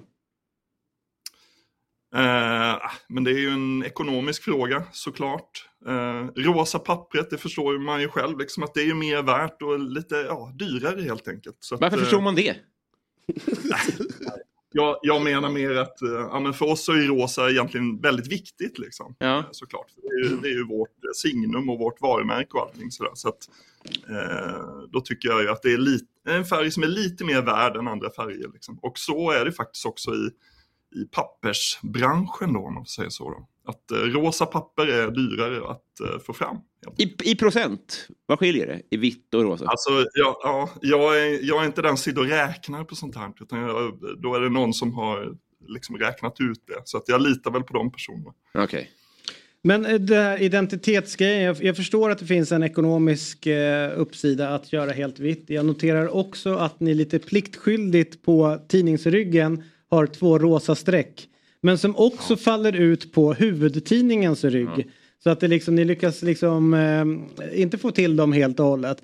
Men blev det någon diskussion lite grann så här eh, rent identitetsmässigt? Hur, hur, liksom, nu blir ju vi Expressen igen, alltså det vi lämnade. Vi läm ni lämnade ju Expressen för när ni hade cash, ni hade en idé och ni, ni särskilde er. Och nu blev ni, nu blev ni samma igen. Förutom de två pliktskyldiga strecken. Ja, nej, jag håller inte med riktigt om det då. Eh, Jag tror att de flesta ändå eh, liksom sammankopplar oss med det rosa eh, fortfarande. Och det är väl därför vi har lite rosa kvar på, på eh, papperstidningen liksom, så att man ska se att det är ändå här sporten, sportnyheterna hör hemma på något sätt. Mm. Eh, Men, eh, ja, jag gillar din beskrivning där fjällen. Det, det, Men du, en fråga då. Det är så här, vad, hur gör man för att det, det, det, nummer två som vi började fundera på, ganska, det var ju kolla vad fan är det som står. Alltså hur gör man, väljer ut det som står i tidningen med tanke på att det blir ju gammalt snabbt. Eh, det ska iväg på tryck. Hur tänker man runt det där? Eh, alltså eh, blir man lite schizofren med tidningsmakandet med tanke på att alla på redaktionen är inställda på att det är nu, nu, nu och man ska liksom vara där där det händer och liksom vara alert. Och så har man den här tidningsprodukten som är egentligen obsolet så fort ni skickar iväg den. Hur, hur resonerar man för att få ett läsvärde i tidningen? Ja, nej, men det, på ett sätt så har det ju varit så i alla tider. Liksom. Alltså, du, du, man förhåller ju sig till en deadline liksom, och det som står i tidningen det blir ju eh, dagen efter så blir det ju ofta irrelevant. Men vi har väl tänkt mer att försöka få lite längre eh, storiesar och, och liksom även inför matcher liksom, så man har lite längre livslängd på texterna och sådär. Liksom. Förut var det ju mycket att ja, men du vet, det var matchrapportering och så, så det har man ju gått ifrån lite, eh, lite grann. Då. Eh, men visst, eh, man blir ju lite schizofren. Framförallt blir man ju schizofren från att gå från, alltså jag menar när man har, vi har hållit på med print i alla år och sen så går man över till online, då har man deadline hela tiden. Liksom. Mm. Eh, det har ju varit, eh, det är ju en liten annan omställning. Liksom. När går deadline för tidningen? När är det för Ja, sent? den går ju. Ja, det är, också en, det är också en sak som har förändrats sen eh, säkert ett halvår tillbaka. Det är ju att deadlinen är ju tidigare. Så att nu får man till exempel nu, man får ju inte med liksom allsvenska matcher och resultat sådär på samma sätt då i pappersprodukten. Sen har vi redigerare som fortfarande sitter och uppdaterar en iPad-upplaga till exempel då. Så man kan, den digital pappersupplaga så att säga som, som, eh, som fortfarande är relevant med matchresultat och så. Man saknar Men plussen. är då... Vad, sa- vad sa du? Nej, jag sa, tänkte säga man saknar plusbetygen från de allsvenska matcherna. Ja. Men du... Får jag till mig? Ja, Ja, jag, gör inte det. Jag tror det bara en som gör det. Men du, eh, en, eh, en fråga då. Hur många år till tror du att vi får se en papperstidning komma ut? Ja, men eh, ett par år till i alla fall. Absolut. Det finns ju fortfarande ekonomi i det som det ser ut just nu. Men det var just de här sakerna som vi pratade om. Det vill säga flytta deadlinen tidigare eh, så att man inte trycker på kvällarna. Eh, och sen eh, liksom det här med pappret då. Det är ju sådana saker som gör att vi kan komma ut med papperstidningen ett tag till. Liksom. Men det är svårt att sätta en...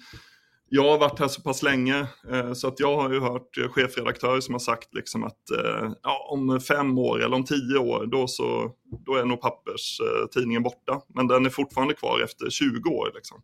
Mm. Så att det är svårt att, jag tror att det är dumt att säga ett specifikt år liksom. Men, men det är klart att den, eh, de som köper papperstidningen, det är ju, blir ju färre och färre liksom. Så är det ju. Och eh, det är bara det faktum att ni upptäcker detta efter ett halvår, det, det säger väl en del. Men du, hur gick diskussionen för ett halvår sedan då? Jag förstår att du, du försvarar ju det här med... Näbbar och klor. Exakt, och det respekterar jag såklart. Men det, det kan väl inte vara ett självklart val att skippa det rosa? Nej, nej, det är det ju inte. Men när man kommer till den punkten, liksom, du är tvungen att, det är ju pest eller kolera liksom. Eh, Ja. någonstans då, liksom, att eh, man sänker hela tidningen kanske snarare än att vi kan hålla på ett tag till och ändå det viktigaste tycker jag ju är bokstäverna som ändå står på pappret, det vill säga och, och de som skriver våra texter och den journalistiken vi gör som, som folk ändå uppskattar. Eh, så att, eh, och jag har faktiskt inte fått så många som har hört av sig och frågat om det här. Så att, eh, det, Det ska vi är- ändra det är på. ju li- jag är lite överraskad. Ja, ni kanske är den andra eller tredje som har hört av sig tror jag. Otroligt. Hur mycket Men- kostar tidningen idag? 34? Och Du, skitbra fråga, det är knappt jag kan. Men det här ska du kunna. 32 tror jag det är. Jesus. Ja. Det är ju sjukt mycket. Ja. Det är också, man, man mixar lite med priser och sådär också. Men du, en, en fråga då. Jag vet ju att eh, om man kollar runt omkring på eh, gamla institutioner så är det så måste man eh, döda sina älsklingar. Jag vet att NRK har ju lagt ner motsvarande Sportspegeln. Och det var egentligen bara en tidsfråga innan någon sportchef på SVT måste fatta det jobbiga beslutet att vara den som lägger ner Sportspegeln. Eh, vilken eh, del i Aftonbladets verksamhet känner du så här, fan det där vill inte jag vara den som lägger ner? Ja, det, är- det, är ju, det är ju Sportbladet såklart då, får jag väl säga då. Jag vill ju absolut inte lägga ner Sportbladet, det skulle ju vara jobbigt. Mm. Men det går ju som tåget, alltså både trafiken på, på sajten och sen så att det finns någonting där. Så att det är väl ganska långt ifrån. Jag tänker att Sportspegeln kanske har en lite jobbigare världen, tillvaro i världen än vad Sportbladet har. Ja. Gissningsvis. Ni får kalla in Max Bursell och fråga antar jag, på SVT. Ja. Ja precis, men han är en av de där som inte, dyk, eller som inte svarar riktigt och skickar vidare till andra.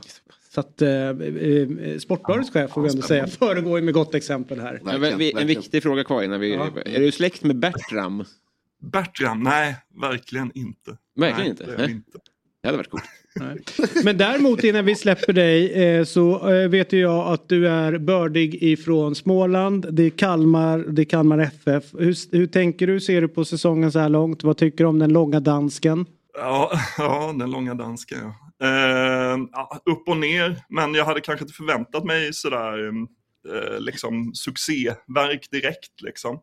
Eh, och nu så tror jag för Kalmar supportrar så blir det ju lite eh, ingenmansland nu liksom. Man, det är klart man hade velat hoppats på att man hade slagits kring något av strecken och nu blir det verkligen mittemellan liksom. Så att det är lite tråkig avslutning på säsongen när man ser... Där bröts det. Nu. Nu. Nej. Klocka. Ja, eh, ja, men man ser att så många lag som är in, inblandade i topp och botten. Och Kalmar är inte ett av dem, så det är lite trist liksom. Mm. Eh, men jag tycker väl att han har gjort bra saker, med, ja, vissa saker har han gjort bra tycker jag och, och vissa har mycket kvar att jobba på. Liksom. Saknar Så ni att, Rydström? Eh, ja, personligen så saknar jag ju Rydström. Eh, det är ju en uh, fär, riktig färgklick och han passar ju i Kalmar. Och hade, det var mycket hjärta där liksom. Sen var det ju mycket som, ja, kring det som stökade till det där. Eh, hans uh, uppbrott från Kalmar då. Men Mm. personligen hade jag gärna sett honom i, i, stanna i Kalmar såklart. Fan, jag har, får jag säga en till? Ja, ja. Det, det finns så mycket i det här. Sverige, hopp, det finns fortfarande ett hopp om att Sverige kan nå EM, men det pekar ju inte på det. Är det så enkelt, kan man... Eh, när säljer ni mest tidningar? Är det om Janne Jan Andersson ryker under buller och bång eller är det om vi når EM? Nej, vi når EM är ju absolut. Det, är ju, det skulle ju vara en supergrej för Aftonbladet och Sportbladet om, om Sverige når EM. Så är det ju såklart en, en, stor, eh, en stor grej, både journalistiskt och ekonomiskt. Liksom. Så är det ju så är det klart att det är mycket bättre för Aftonbladet att Sverige går till EM. Så Är idrottslig så? framgång är alltid pengar för en tidning så att säga. Eh, alltid vet jag, Ja, det är svårt att säga. Men eh, alltså i sportsammanhang skulle jag nog säga det. Att, Absolut. Finns det några idrottsliga sammanhang som inte är sport? Nej, men jag, jag, jag tänkte mer om du tänkte utanför sporten. Liksom. Ah, Då- ja, ja. då- Alltså Astrid Lindgren lever. Ja, just det. Ja, exakt. ja. Nej, men vad härligt att ha dig med.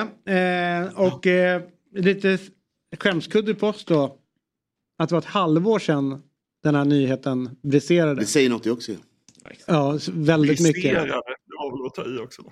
Ja, men alltså det är ju alltså, så mycket som det slogs på stora trumman när det blev rosa så är det här, det här är ju stort när det försvinner. Är då inte bra helt enkelt. För trogna kunder så du måste se oss som det. Som ändå har läst det nej, under många det, år. Det är fint. Det, är- Ja. det uppskattar jag ändå. Jag kan ju också säga en kul detalj. Det är också att eh, när Sportbladet kom till och blev rosa. Då var det väldigt många människor som hörde av sig och var förbannade. Liksom, Ja. På grund av färgen. Det- Det... gick inte att läsa. Nej. Så nu är det liksom, nu är liksom hela cirkeln. Och, Ja. Fan roligt. De är glada nu. Ja. De är super- Kan inte vi Ja, få de är träffa de som var förbannade över att det blev rosa så kan vi sitta och, sitta och diskutera i gru- liten grupp, små det. grupper. Det är bättre med rosa, det är inte Ja, alls det. skulle vara med. Ja, härligt. Tack för den här till. morgonen. Och så håller vi eh, extra tummar för Kalmar FF. Det är ju vårt sommarlag här på Dobb. Ja. Så är det. Tack, tack. Hej, hej. Vi byter eh, folk i studion. Vi, eh, vi släpper ut eh, en mygga och tar in en som skulle kunna vara eh, adlig. Om man hade varit, jag vet inte, om det hade hetat någonting annat än de mellan för och efternamn. Jag förstår. Mm. För att om inte jag har helt fel så betyder det typ från. Bra alltså där. David från eh, Bra där. eh, det är Estocolmo från. Mm, alltså, och von betyder ju från. Ja, ja, ja. Exakt. Och här har vi alltså Victor de Almeida, alltså Victor von Almeida Ja. som är med oss. Eh, välkommen hit. Ja tack, vad schysst. Eh, God morgon mina herrar. Ja. Det där kändes som en eh, vad heter det, värdig presentation. Eller hur? Det är inte ofta någon liksom lägger till det aff. Nej. Från det är aff, Victor de Almeida. Det kommer från slaveriet egentligen om vi ska vara lite så här historiskt eh, inlagda just nu så här. Så du hade sjukt många slavar, därför blev det von. Det är det som är grejen. Exakt, Massa vitingar som du drog Ja runt men, exakt, Ja. exakt. jag hade så många. Ja. Det här är Viktors grej. Exakt, exakt. Ja. Nej, Slavägaren. ja, fortsätt. Ja. Nej men det är bra, jag tycker vi stannar på den istället. Ja. Det känns mycket, mycket mer eh, troligt. Nej men slavägarna eh, hade ju ett namn då. Jag kommer från Kap Verdeöarna där man tog slavar från Västafrika över till eh, andra sidan, Västindien, eh, USA etc. Eller ja, Nordamerika och Sydamerika. Men, men då så slavägarna hade ju såklart ett namn och, och, och sen så när man ägde någon slav så, så var det ju din, och, så att det var ju deras namn. Mm. Så att det är så här. av Svensson eller Ja, av. Almeida. Så att det är inte så glamoröst som det Nej. Jag är från andra sidan utav på, i, eh, kontinenten där, från östra sidan. Mm. Eh, och eh, jag, eh, där skickar, jag skickar inte runt mig så mycket. Men däremot så fick jag en, en get. Jag tror du Jag skickade folket till alltså, jag är ge- getägare. Ja. Och det tycker jag ändå borgar för att man kunde, borde ha en fondfjäll. Den geten heter ju Get von David. Ja exakt. Ja, Ja, exakt. Så är det. Men du eh, eh, Viktor, det är ju så att du har ju en eh, väldigt populär YouTube-kanal som heter Dialogiskt. Eh, alltså, Jag tror att det är 88 900 prenumeranter. Kan vara 89 000. Nu känner jag igen din hjärnkapacitet. Eh, alltså, och wow. eh, bjuder in eh, alla möjliga gäster och alla verkar Mm. Eh, komma dit. Samtidigt så har du ett bagage med dig med tungt heroinmissbruk. Eh, 14 februari eh, 93, eller var det 94? 94. 94. Så eh, fick du smak för första gången för heroinet eh, efter blivit eh, dumpad kan man väl säga. Eller tagit slut med en tjej, mådde inte bra och så vidare. Och innan det hade du rökt gräs, alltså lite mer lättare droger innan du för första gången fick känna av eh, heroinet. Och som du själv beskriver det så var det som att du fick en kram, någon som omfamnade dig och det var en kram som du verkligen behövde. Mm. Vad var det som hände sen under de här 20 åren som egentligen är borta när du var inne i det här tunga eh, missbruket? Alltså, du säger det så bra. Kram. Alltså, jag, jag vill ändå gå så tillbaka lite mer i tid. Åt andra hållet, det, det handlar ju om barndomen. Jag är uppväxt i Nacka, en väldigt eh, idyllisk förort. så här, många säger att Nacka är en förort, men jag vet inte. Men, Nacka och jättebra, eh, så här, stort eh, familjesammanhang och våra små man kan bara titta på våra små gårdar vi hade. Alla barn i alla åldrar lekte. Alla, alla hade det så här. Men det var verkligen eh, svenska folkhemmet i sitt esse. Mm. Men det var någonting i min barndom som fattades. Jag kommer från en familj där det var mycket alkoholism eh, och det var mycket dysfunktionellt eh, beteende. Man pratade inte om känslor, vi åt inte mat tillsammans. Så under hela min barndom har jag någonstans sökt den här, det kan låta väldigt klichéartat men jag har sökt den här kramen från en vuxen. Eh, Jag, jag har fått uppmärksamhet, jag har fått stöttningar av vuxna, jag har fått jättemycket grejer, missförstå mig rätt. Men just hemma var det väldigt, väldigt jobbigt. Där, där jag skulle känna mig som mest trygg, där var det som mest jobbigt. Eh, så att när jag hittade heroinet typ 20 år in i mitt liv och då hade jag liksom 20 år av eh, övergivenhet, känslan av att inte duga till och liksom undra vem är jag och sen också som en mörkhyad kille i, i Nacka där det var väldigt, eh, väldigt, det är ju väldigt svenskt och så. Och på gott och ont så kom jag från Kap Verde som sexåring. Så att jag var ju väldigt liten när jag kom, jag är inte född där. Så att det blev en sån, det är så mycket grejer som man kan liksom grotta sig in i. Men ni förstår lite grann vad jag vill komma fram till. Så att när jag 20 år senare hittade heroinet, också i samma läge där jag blev dumpad, övergiven och har de här känslorna som jag kände igen direkt som barn. Så blev det som en stor kram som jag sen fortsatte söka ytterligare 20 år. Många säger det när det gäller missbruk så här, att första gången är en sån extrem stark känsla. Det är en sån euforisk upplevelse. Det är som att hela universum ger dig en stor kram. Och den försöker du uppnå och nästan alla missbrukare du, kom, du kommer prata med eller fråga kommer säga samma sak. Det är aldrig som den första gången. Mm. Du, en grej som jag funderar på, eh, om man ska dra lite Mm. kopplingar till fotbollen så vet vi att det är många fotbollsspelare som börjar att trycka piller som är beroendeframkallande under karriären. Mm.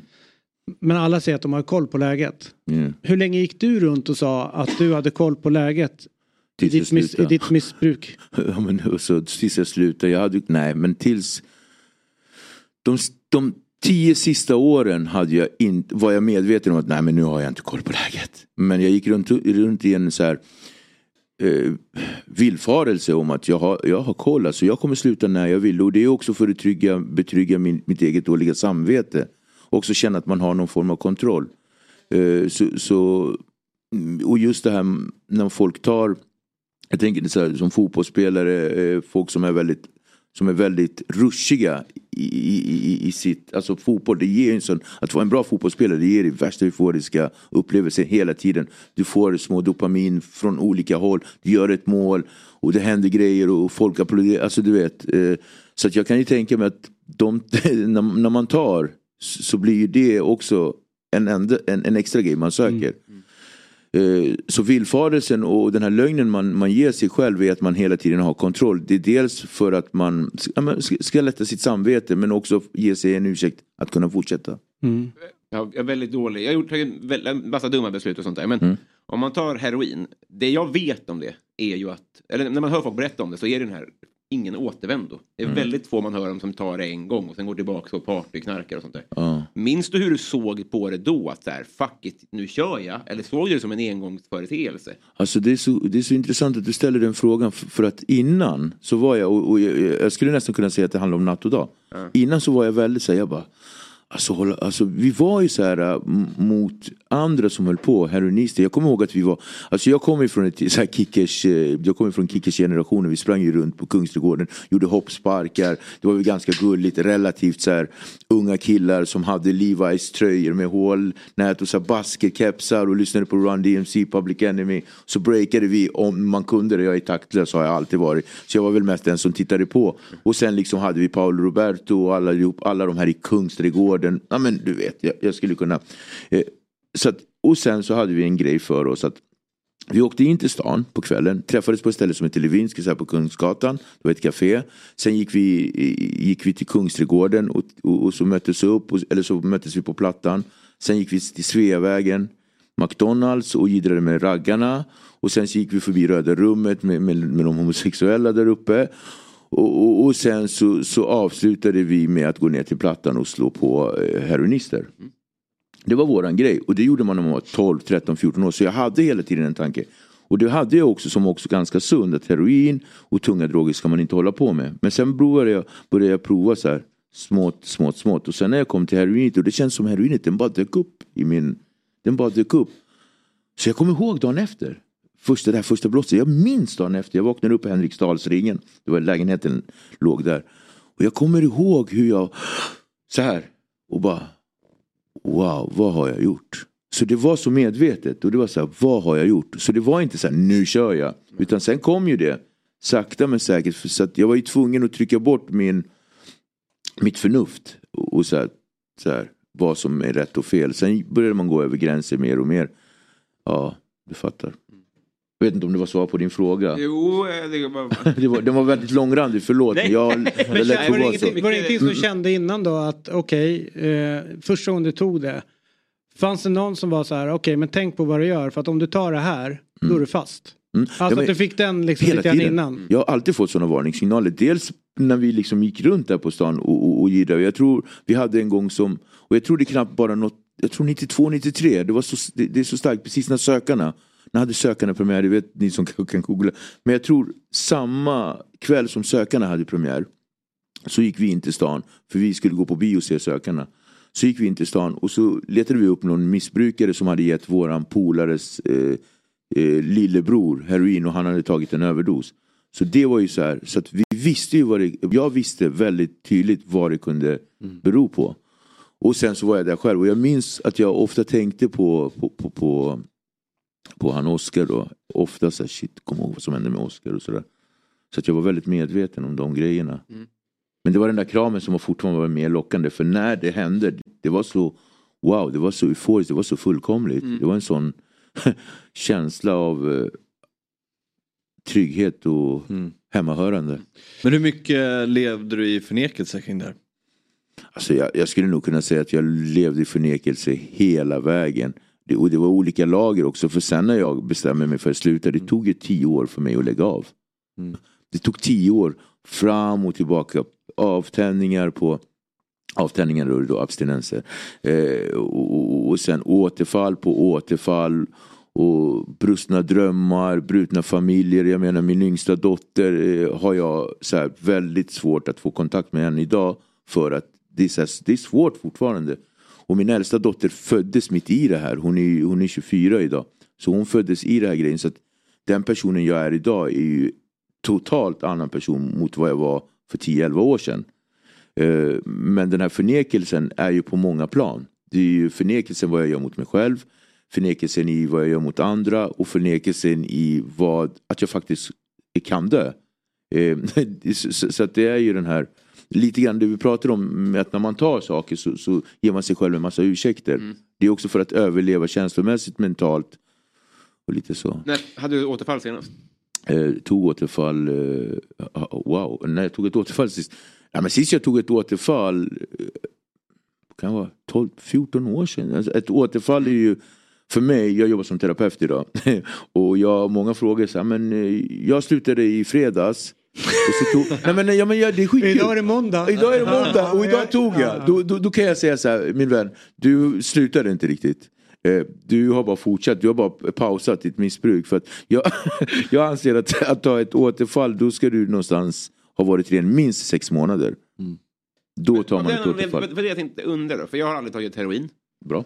Eh, Och jag har inga planer på det. Är jag, Klock. är jag, eftersom du har den här bilden av det och, kan, och hatar det förmodligen mer än vad jag gör. Är du närmare att ta ett återfall än att jag är och börja, tror du? Vad är, det, vad är troligast? Jag tror, jag, tror att jag, jag tror att jag är mer vaksam på vad det skulle kunna ge mig för konsekvenser Ja. eventuellt än vad du är. Eftersom, alltså ovissheten är också en sån där jättebra fråga. För, för att inte veta saker ibland gör att man kan gå och ursäkta sig för att göra dem. Förstår ni lite grann vad jag menar? menar eh, de första tio åren när jag gick runt och knarkade, jag visste ju inte varför jag höll på. Jag fattade inte så här, varför jag knarkade. Jag fattade att jag knarkade. Det var inte som att jag var född i farstun helt. Jag fattade så. Nu är det gras. Bodde i Stockholms underjorden ganska i tre år, och, eller förlåt tre veckor och, och så levde med människor som jag aldrig skulle umgås med. Alltså så här, relationer till folk som inte har så här. Så att den grejen är ju en, en pryl att man vet om. Eh, Eller att man inte har koll. Men sen när jag kom in på en behandling och började få en hum. Då var det svårt att fortsätta knarka med gott samvete. Så att det är större fara för dig tror jag än vad det är för mig. Du, eh, du har ju den här eh, jättepopulära YouTube-kanalen också, Dialogiskt. Mm. Där du får eh, bjuda in allt från rapparen Yasin till poddaren Kristoffer Trumf till Paolo Roberto till, ja, listan kan göra hur lång som helst eh, utav människor. Det som jag noterar när jag kollar på det, det är att du är immun emot vad folk tycker om vem som ska få komma till tals. Ja. Du bjuder in alla. Mm. Det har också gjort, gjort att du fått viss kritik. Eh, krimfluencer, alltså att du eh, Ja. låter eh, folk som har stökat komma till tals. Eh, att det finns en del som kanske tycker att du ska vara lite hårdare i motfrågor eh, och sådana saker. Hur ser du på den avvägningen mellan att ge folk eh, utrymme att tala men liksom, liksom den här mm, gången eller liksom förhållningssättet där, hur kritisk ska vara. För jag noterar att det står ju inför alla program att vi tar kraftigt avstånd ifrån ja, allt det som eventuellt kan sägas. Mm. Men räcker det? Borde, borde du vara lite mer kritisk? Alltså, jag vet inte. Jag, jag, Ja, jag, har du reflekterat över i verkligen. samband Jo. med den? När jag säger jag vet inte så beror det inte på att jag inte vet. Nej. Det är så här, eller jag vet inte, men jag, så här, men jag fattar. Okej. jag hänger med och jag tror att också att jag, eh, om jag var på andra sidan och skulle titta på mina avsnitt så skulle jag säga, fan, tycker han inte, varför säger han inte på Paolo när det gäller just det där när han säger att den här eh, prostituerade ville vara där, alltså, lite sådana grejer. Men också, jag minns ända från början när jag skapade dialog så ville jag skapa en debatt. Jag vill skapa en dialog utanför. Och då- kan man tycka så här, men, aha, nu gömmer du dig bakom någonting. Så här, att jag bara kan säga det och, och, och så här, det är lite fegt sådär. Men jag har fortfarande den tanken att, för jag, jag hade ju liksom, och vi har kvar, nu har jag inte gjort det på ett tag, varit fullt upp med andra saker som att skriva en bok och sådär. Det är att ha dialogisk debatt. Där vi möts live, som till exempel med Hanif Bali och Leo Kinesen. Där vi har den här debatten och sen mitt i den här debatten, eller när den är slut, någonstans proclaima och säga så här, nu vill jag att ni fortsätter den här debatten utanför. Det är därför jag också är väldigt noga med att inte hålla på och svara folk för mycket på min YouTube-kanal när de ställer frågor. Jag vill bara sätta igång en massa grejer. Men jag kan hålla med om i vissa avseenden så har jag hållit i mig för att inte ställa så här mer kritiska frågor. Men det är för att jag vill också vara ganska flat i alla mina möten. Jag har varit precis likadan mot Jimmy Åkesson som jag har varit mot en, mot en eh, kriminell gangsterrappare. Och jag har varit exakt likadan som eh, mot eh, Linnea Kuling som var så här, eh, Knutby-tjejen. Eh, som jag har varit mot eh, Nooshi Dagostar när det gäller hennes politik. Jag försöker vara väldigt transparent. Jag har ofta sagt så att jag vill ta fram personen bakom människan. Eh, och det är det som har varit mitt, mitt mål. Och sen så har man sagt, men varför hämtar du honom och inte? För folk är ju också så här, men om du kan hämta den då borde du kunna hämta eh, hon Englunds mördare. Eh, alltså, där- så här, vissa människor vill jag bara inte hämta för att jag inte vill prata med dem. Så att jag försöker att ha en ganska eh, neutral ställning i alla jag pratar med. Men jag kan hålla med många som säger att vissa så här borde jag vara vassa mot. Men kommer jag göra det då kommer jag bli tvungen att vara det mot alla andra. Och det finns en tanke om att det kommer bli en 2.0 där det kommer bli mer så här. Och då har jag ju sagt till mina tittare att det finns, och det har jag sagt ända sedan dag ett, att det kommer, när jag når 100 000 på Youtube då kommer det bli en helt annan nivå. Mm. Spännande. Det är som vi här. När vi når 20 000 så kommer han sitta med Woody-dräkt. Du kanske har en annan Eh, Toy Story. eh, Men du, det, det är inte bara eh, podden eller youtuben att du håller på med utan det skrivs ju bok också såklart. Mm. Eh, apropå kramen så heter den Kramen från helvetet. Eh, Det är ju då en självbiografi. Eh, Vi har ju liksom varit inne lite grann på om den här kla, eh, krav, eh, kramen, din, dina tidiga år, hur du kom hit och sådär. Mm. Men jag vet ju också att du hade ju vänner som spelade fotboll. Rami Shaban och du hängde ju, eller sågs i Nacka. Ni bodde ju båda två där borta. Det är ju ganska intressant Förhållnings, förhållnings, vägval ni, ni får. Ja, där, liksom. Var alltså- han hamnar och du hamnar. Var det nära någon gång att, att idrotten kunde rädda dig ifrån Alltså, eh, vet du, det här? Det är så kul, jag vet inte vem av er som frågade så här, vi, typ som gav mig en initierad fråga som inte var exakt. Det här med att se signaler under vägens gång. Eller kanske var du, men det var så här, Bra frågor kom från mig. Shoutout. Svaga frågor. från de här två. Nej men jag tycker det var lite Ja, en vass grej där med. Ibland, ja, men det, är därför han, det är därför han är kvar. För ibland så. Men det var när du tog eh, dricka. Ja, exakt. Jag Ja, såg, ja, exakt. du bara, in. Exakt. Nej men alltså. Jag har alltid haft idrotten till hands. Vi pratade om det där ute här. Jag och killen där. Jag har alltid haft idrotten till hands hela mitt liv. Eh, jag, som sagt, jag kommer från Nacka. Eh, vi, vi är ju väldigt eh, frilufts och idrotts... Alltså, jag vet inte om det finns, jo det är klart det finns orientering, det är klart det finns kvar. Men jag kommer ihåg de här orienteringsdagarna vi hade, det var i Nyckelviken. Det var ju heldagar och ibland så blev det att man hade så här olika helgtillställningar där vi gjorde så mycket grejer. Så jag har ju spelat fotboll, jag vill inte säga att jag är speciell. Jag kommer ihåg så här, eh, ni vet som små barn när de får en boll, alla springer till bollen. Jag var ju kvar i det lite för länge så de var så här, men Virre, jag kallades för Virre. Virre, du får ju liksom så här. så, så, till slut, och så var det en låg självkänsla som gjorde att jag inte kanske kände att jag var bra på fotboll. Men jag var ändå okej och det märkte inte jag för många år senare när jag spelade i ett korpenlag på ett behandlingshem. Och då var jag så här 20 någonting plus.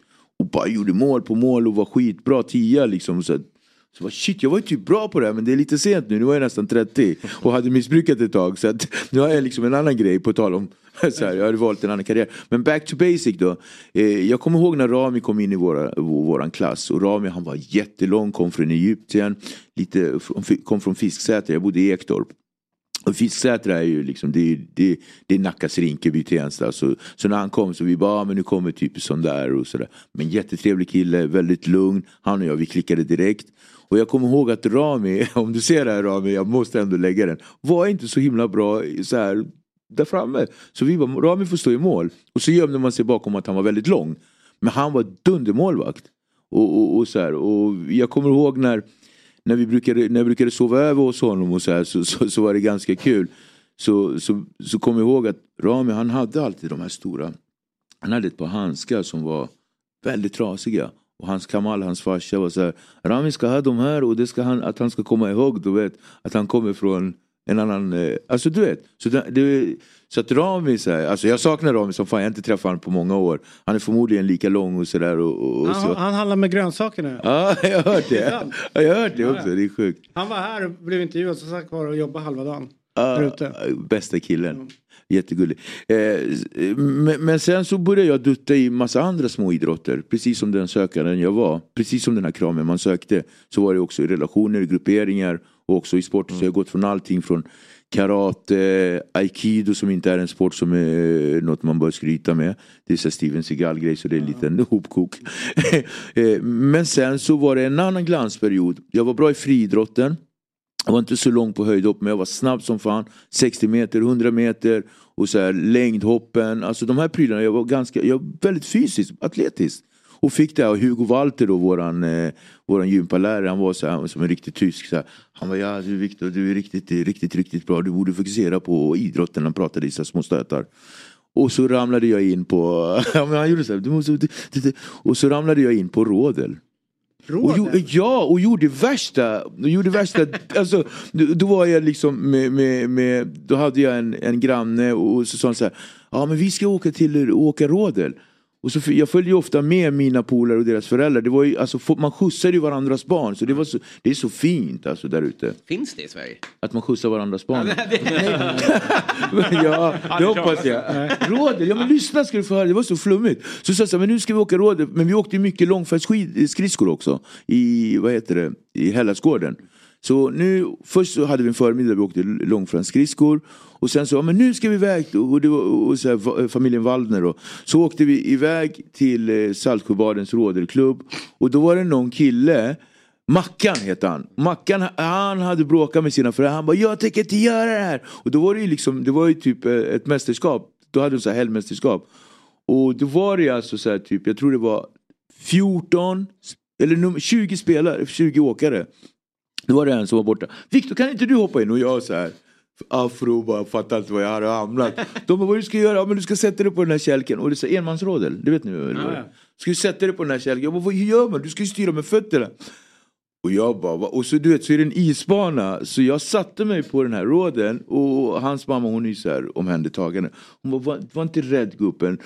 Det, det, är bara liksom hålla i dig. Så kom farsan hans, eller hans, jag tror det var hans, hans storebror. Han var ju som en farsa för han var mycket äldre, det var så här, riktiga sladdbarn där. Så sa han så här, han bara, hörru Viktor, det här kommer gå undan så det bästa du gör det är bara att hålla i dig och styra med fötterna och titta inte upp. du vet, så man ligger sig som en flöjt du vet. Så jag låg där som en så här, ja jag vet så bara och så bara åkte det och så styrde jag med fötterna. Zoom, zoom, zoom. Och jag var så skraj så jag gjorde, jag gjorde succé. De bara, "Ah, nya killen har kommit fyra liksom av 20. Så att jag åkte några gånger. Så att, och det låter som att jag höll på med rådel varje säsong. Men det var en enda enastående vinter som jag gjorde Men det. det, det låter ju för någon som är ute efter kickar och så här som en ganska rolig grej. Det går ju fort och sådär. Men du, fan vad mäktigt ändå tänker jag. Eh, avslutningsvis då Viktor. Yes, eh, vi är snart i mål. Eh, vi ska säga boken den är släppt och finns Mm. där ute för folk att tjacka. Yes. Finns där böcker finns och så vidare. Du så här är det, jag tänkte att du håller ändå på att intervjua folk. Jag- Vi tänker så här att du ska få ställa en fråga till nästa gäst här i Fotbollsmorgon. Eh, och du får tänka som att du, eh, du, du springer på en främling på gatan bara. Mm. Ute på stan. Så att du vet inte vem gästen är. Mm. Och du vet inte vem den här främlingen är. Men du har ju en fråga att ställa till vår eh, nästa gäst. Mm. Då tänker jag att jag ställer den här frågan eftersom jag eh, pratar närmare micken och eh, vad heter det, för sent.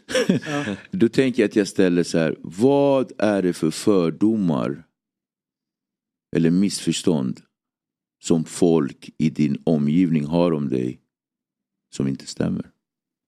Den är bra. Den är bra. Ja. Jättebra. Nu förstår jag varför den här Youtube-kanalen är så stor. Nej, jag och, varför, måste- och varför vi är så, Nej, så små. Nej, jag, ni är skitgrymma, jag ville bara säga det. Vad vass du är! Ja, tack. Va? tack Du tack. med. Ja, ja, Men du ser ut som en sån här sportjournalist. Ja, du, Ja, jag inte vet. det. Det är det jag har folk brukar- sagt jag va? som brukar ställa de kritiska frågorna och det är jag som är journalisten i rummet. Ja. Det känns som det. Mm. Mm. Ja. Mm. Mina herrar, Ja. vilken ära. Ja, ja, det var stort att ha det här. Eh, och vi, eh, vi blir ju alltid lite imponerade när det kommer ad, adliga människor in hit. Ja. Det är väl det. Nej, men jag har inte hög svansföring alltid men idag kände jag att jag, jag ska hålla mig med fotfolket. Har ni tänkt på att eh, det är ju en, en dokumentär som går på SVT som heter Kungen och jag. Ja. Av Karin af Klintberg. Karin Af Klintberg. Och så försöker hon ju framstå som väldigt så här, ja den lilla människan träffar kungen. Jag bara, men vänta, det är för fan två blåblod som står och pratar med varandra. stämmer Det är inte kungen och Af som står och snackar. Och dessutom har väl hon tjänat in x antal miljoner i olika tv-projekt. Så att det är ju en, en adlig snortät brud som står och intervjuar kungen. Och hon försöker ta perspektivet så här. Lilla en he- ja, eller hur? Tänk att jag får vara i de här salongerna. Ja, men tacka fan för det. Du sitter i Riddarhuset och käkar lunch. eller hur? Det är ingen våningar. Eller hur? Det hade varit en, en sak, skicka in en jävla afrikan där. Ta in mig, Ja, ja, eller ja, direkt. eh, De Almeida. Broder en- kung. Jag tänkte på det, nu är det, när vintersporten är igång här. Fan vad grymt att ha en rådelkorre också. Ja. När, när tävlingen drar igång. Ja. Kolla, åka alltså- dit och testa rådel. Finns den Hajar. kvar den här ja, men Det var ju banan? det vi, vi för när jag, jag kastade ut den, vad heter den gulliga blonda killen här ute? Otto. Otto. Vad stjärnan var det. Ja. Eh, och, och, och, han, Inte när man lär känna honom. Det är så? Ja, han det är bra på ytan, De ja. är luriga de här. Ja, Nästan vet- vet vem 30-åringarna. Vet du vem hans eh, morbror är? Säg inte att det är någon vass jävel. Jo, Agne Järlevik är gammal på SVT Sport. Men han är trevlig, genuint trevlig. Så att det har inte gått till Otto. Men du kan fortsätta. Han var trevlig. ja. Då diskuterade så vi kom in på det här med rådet. Otto bara wow vad intressant sa han. Men det var väl falskt då. Ja, när han gör så här, Ja, vad jag intressant, känner- så vet att han skiter i det. Ja, med de där blåa ögonen. Ja, ja, visst. och så sa jag så här, jag, jag undrar om den finns kvar. Saltsjöbadens rådelklubb, om ni hör det här. Ja, vad ska Det låter då? otroligt. Jag kan säga så här, det kommer bli dobbmästerskap i rådel. Ja. Ja. Och du ska lära oss. Gärna, Ja. ut, gärna utan den här vagnen också. Man sitter på, utan bara åker Alltså, det ner var på så jävla flummigt. Ja. Stjärtlapp. Fy Fan vad roligt det är. All right, du, stort tack för den här morgonen. Tack själva. Bök- boken finns eh, där ute där böcker finns. Kramen från helvetet. Finns den som ljudbok säger killen som älskar att lyssna på ljudböcker. Det där var en jättebra fråga och legitim. Jag är fullfärdig med det och det är jag som håller på att läsa in den. Så att jag gör mitt bästa för min radioröst. Men eh, vi jobbar på det och den är den, inom en snar framtid och det betyder kanske två, tre veckor. Jag fattar. Vet du om det blir. VM för Kap Verde? Det, det hoppas jag. Det hoppas jag. Eller hur? Nej, jag har absolut ingen koll. Ja, Jag hoppas det. Vi är ändå okej. Du och Eller hur? Henrik är från samma land? Ja, vi, jag och Henrik Larsson är från samma land. Det, det är bara han och jag som Sverige kan skryta med idag. Ja. Som gör någonting. Ja, Eller det- finns det någon annan där ute? Jo, Nej, det finns inte från säkert. Kap Verde. inte från Kap Verde, det är mest från Men Östafrika. däremot från Eritrea. Är det? Ja. Så har vi både Isak... Mina herrar. Ja, så är det ju. Eh, men du, innan eh, släpper dig, sista frågan. Hur dum i huvudet har du blivit av knarkandet? Heroin 20 år. Förhoppningsvis har jag inte blivit så bränd. Men jag tror nog att någonting inte stämmer ibland. Nej. Fattar man följare har haft på YouTube om du inte hade knarkat. Jesus! Det har varit den här uppe. Men du, härligt. Eh, tusen tack. Och för er som sitter och kollar. Eh, vi har en kampanj på dobb.tv där ute. Med koden Fotbollsmorgon så får du två veckor helt gratis. Och till det säger vi wow. Wow. Wow. Eller som Anders Nettelblatt brukar säga. Det är en superdeal. Just. Ja. Eh, och en grej ni absolut inte får glömma av det är som sagt var in och prenumerera på vår YouTube-kanal. Imorgon är du tillbaka Det är jag. och jag är tillbaka. Du får ledigt Fabbe. Mm. Men alltid lika trevligt att sitta de här månaderna med dig. Det är Mm, någonting jag kommer bära med mig resten av livet. Ja. Du är en fin människa. Ja, tack. Det, det är du med. En- Och ni med. En härlig karaktär som vi brukar säga. Eh, och Robin, eh, bra grävt med de rosa eh, papperna där. Vi var bara ett halvår sena på bollen. Eh, Sånt som kan Säg hända. mer om dem. Och Viktor, eh, innan vi släpper dig så är det så att eh, den rapparen jag tycker är bäst i Sverige, Som du tycker. ja, är Yasin. Gör du verkligen? Kan du haffla hit honom eller? Jag ska jobba på det. Ja. Yasin är ju väldigt, väldigt svår. Mm. Och därför tänker jag att han och jag skulle förstå varandra väldigt bra. Nej men absolut, Ja. jag, ska, jag ska prata med honom. Ja, det vore väldigt snällt. Han gillar ju fotboll och sådär. Och, Exakt, och då kan du säga det att idioten som sitter där i Ja. studion tycker du är hur jävla grym som helst. Det ska jag göra. Musik, musiken. Ja. Härligt. Så då har du en uppgift. Du har uppgift att kolla nya stora avslöjanden.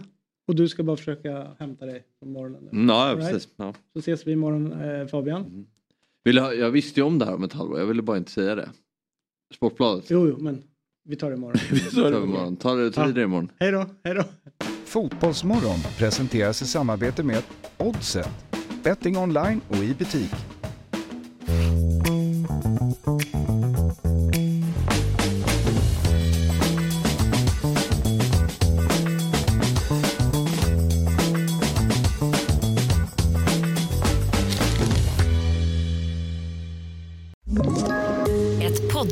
Från Podplay.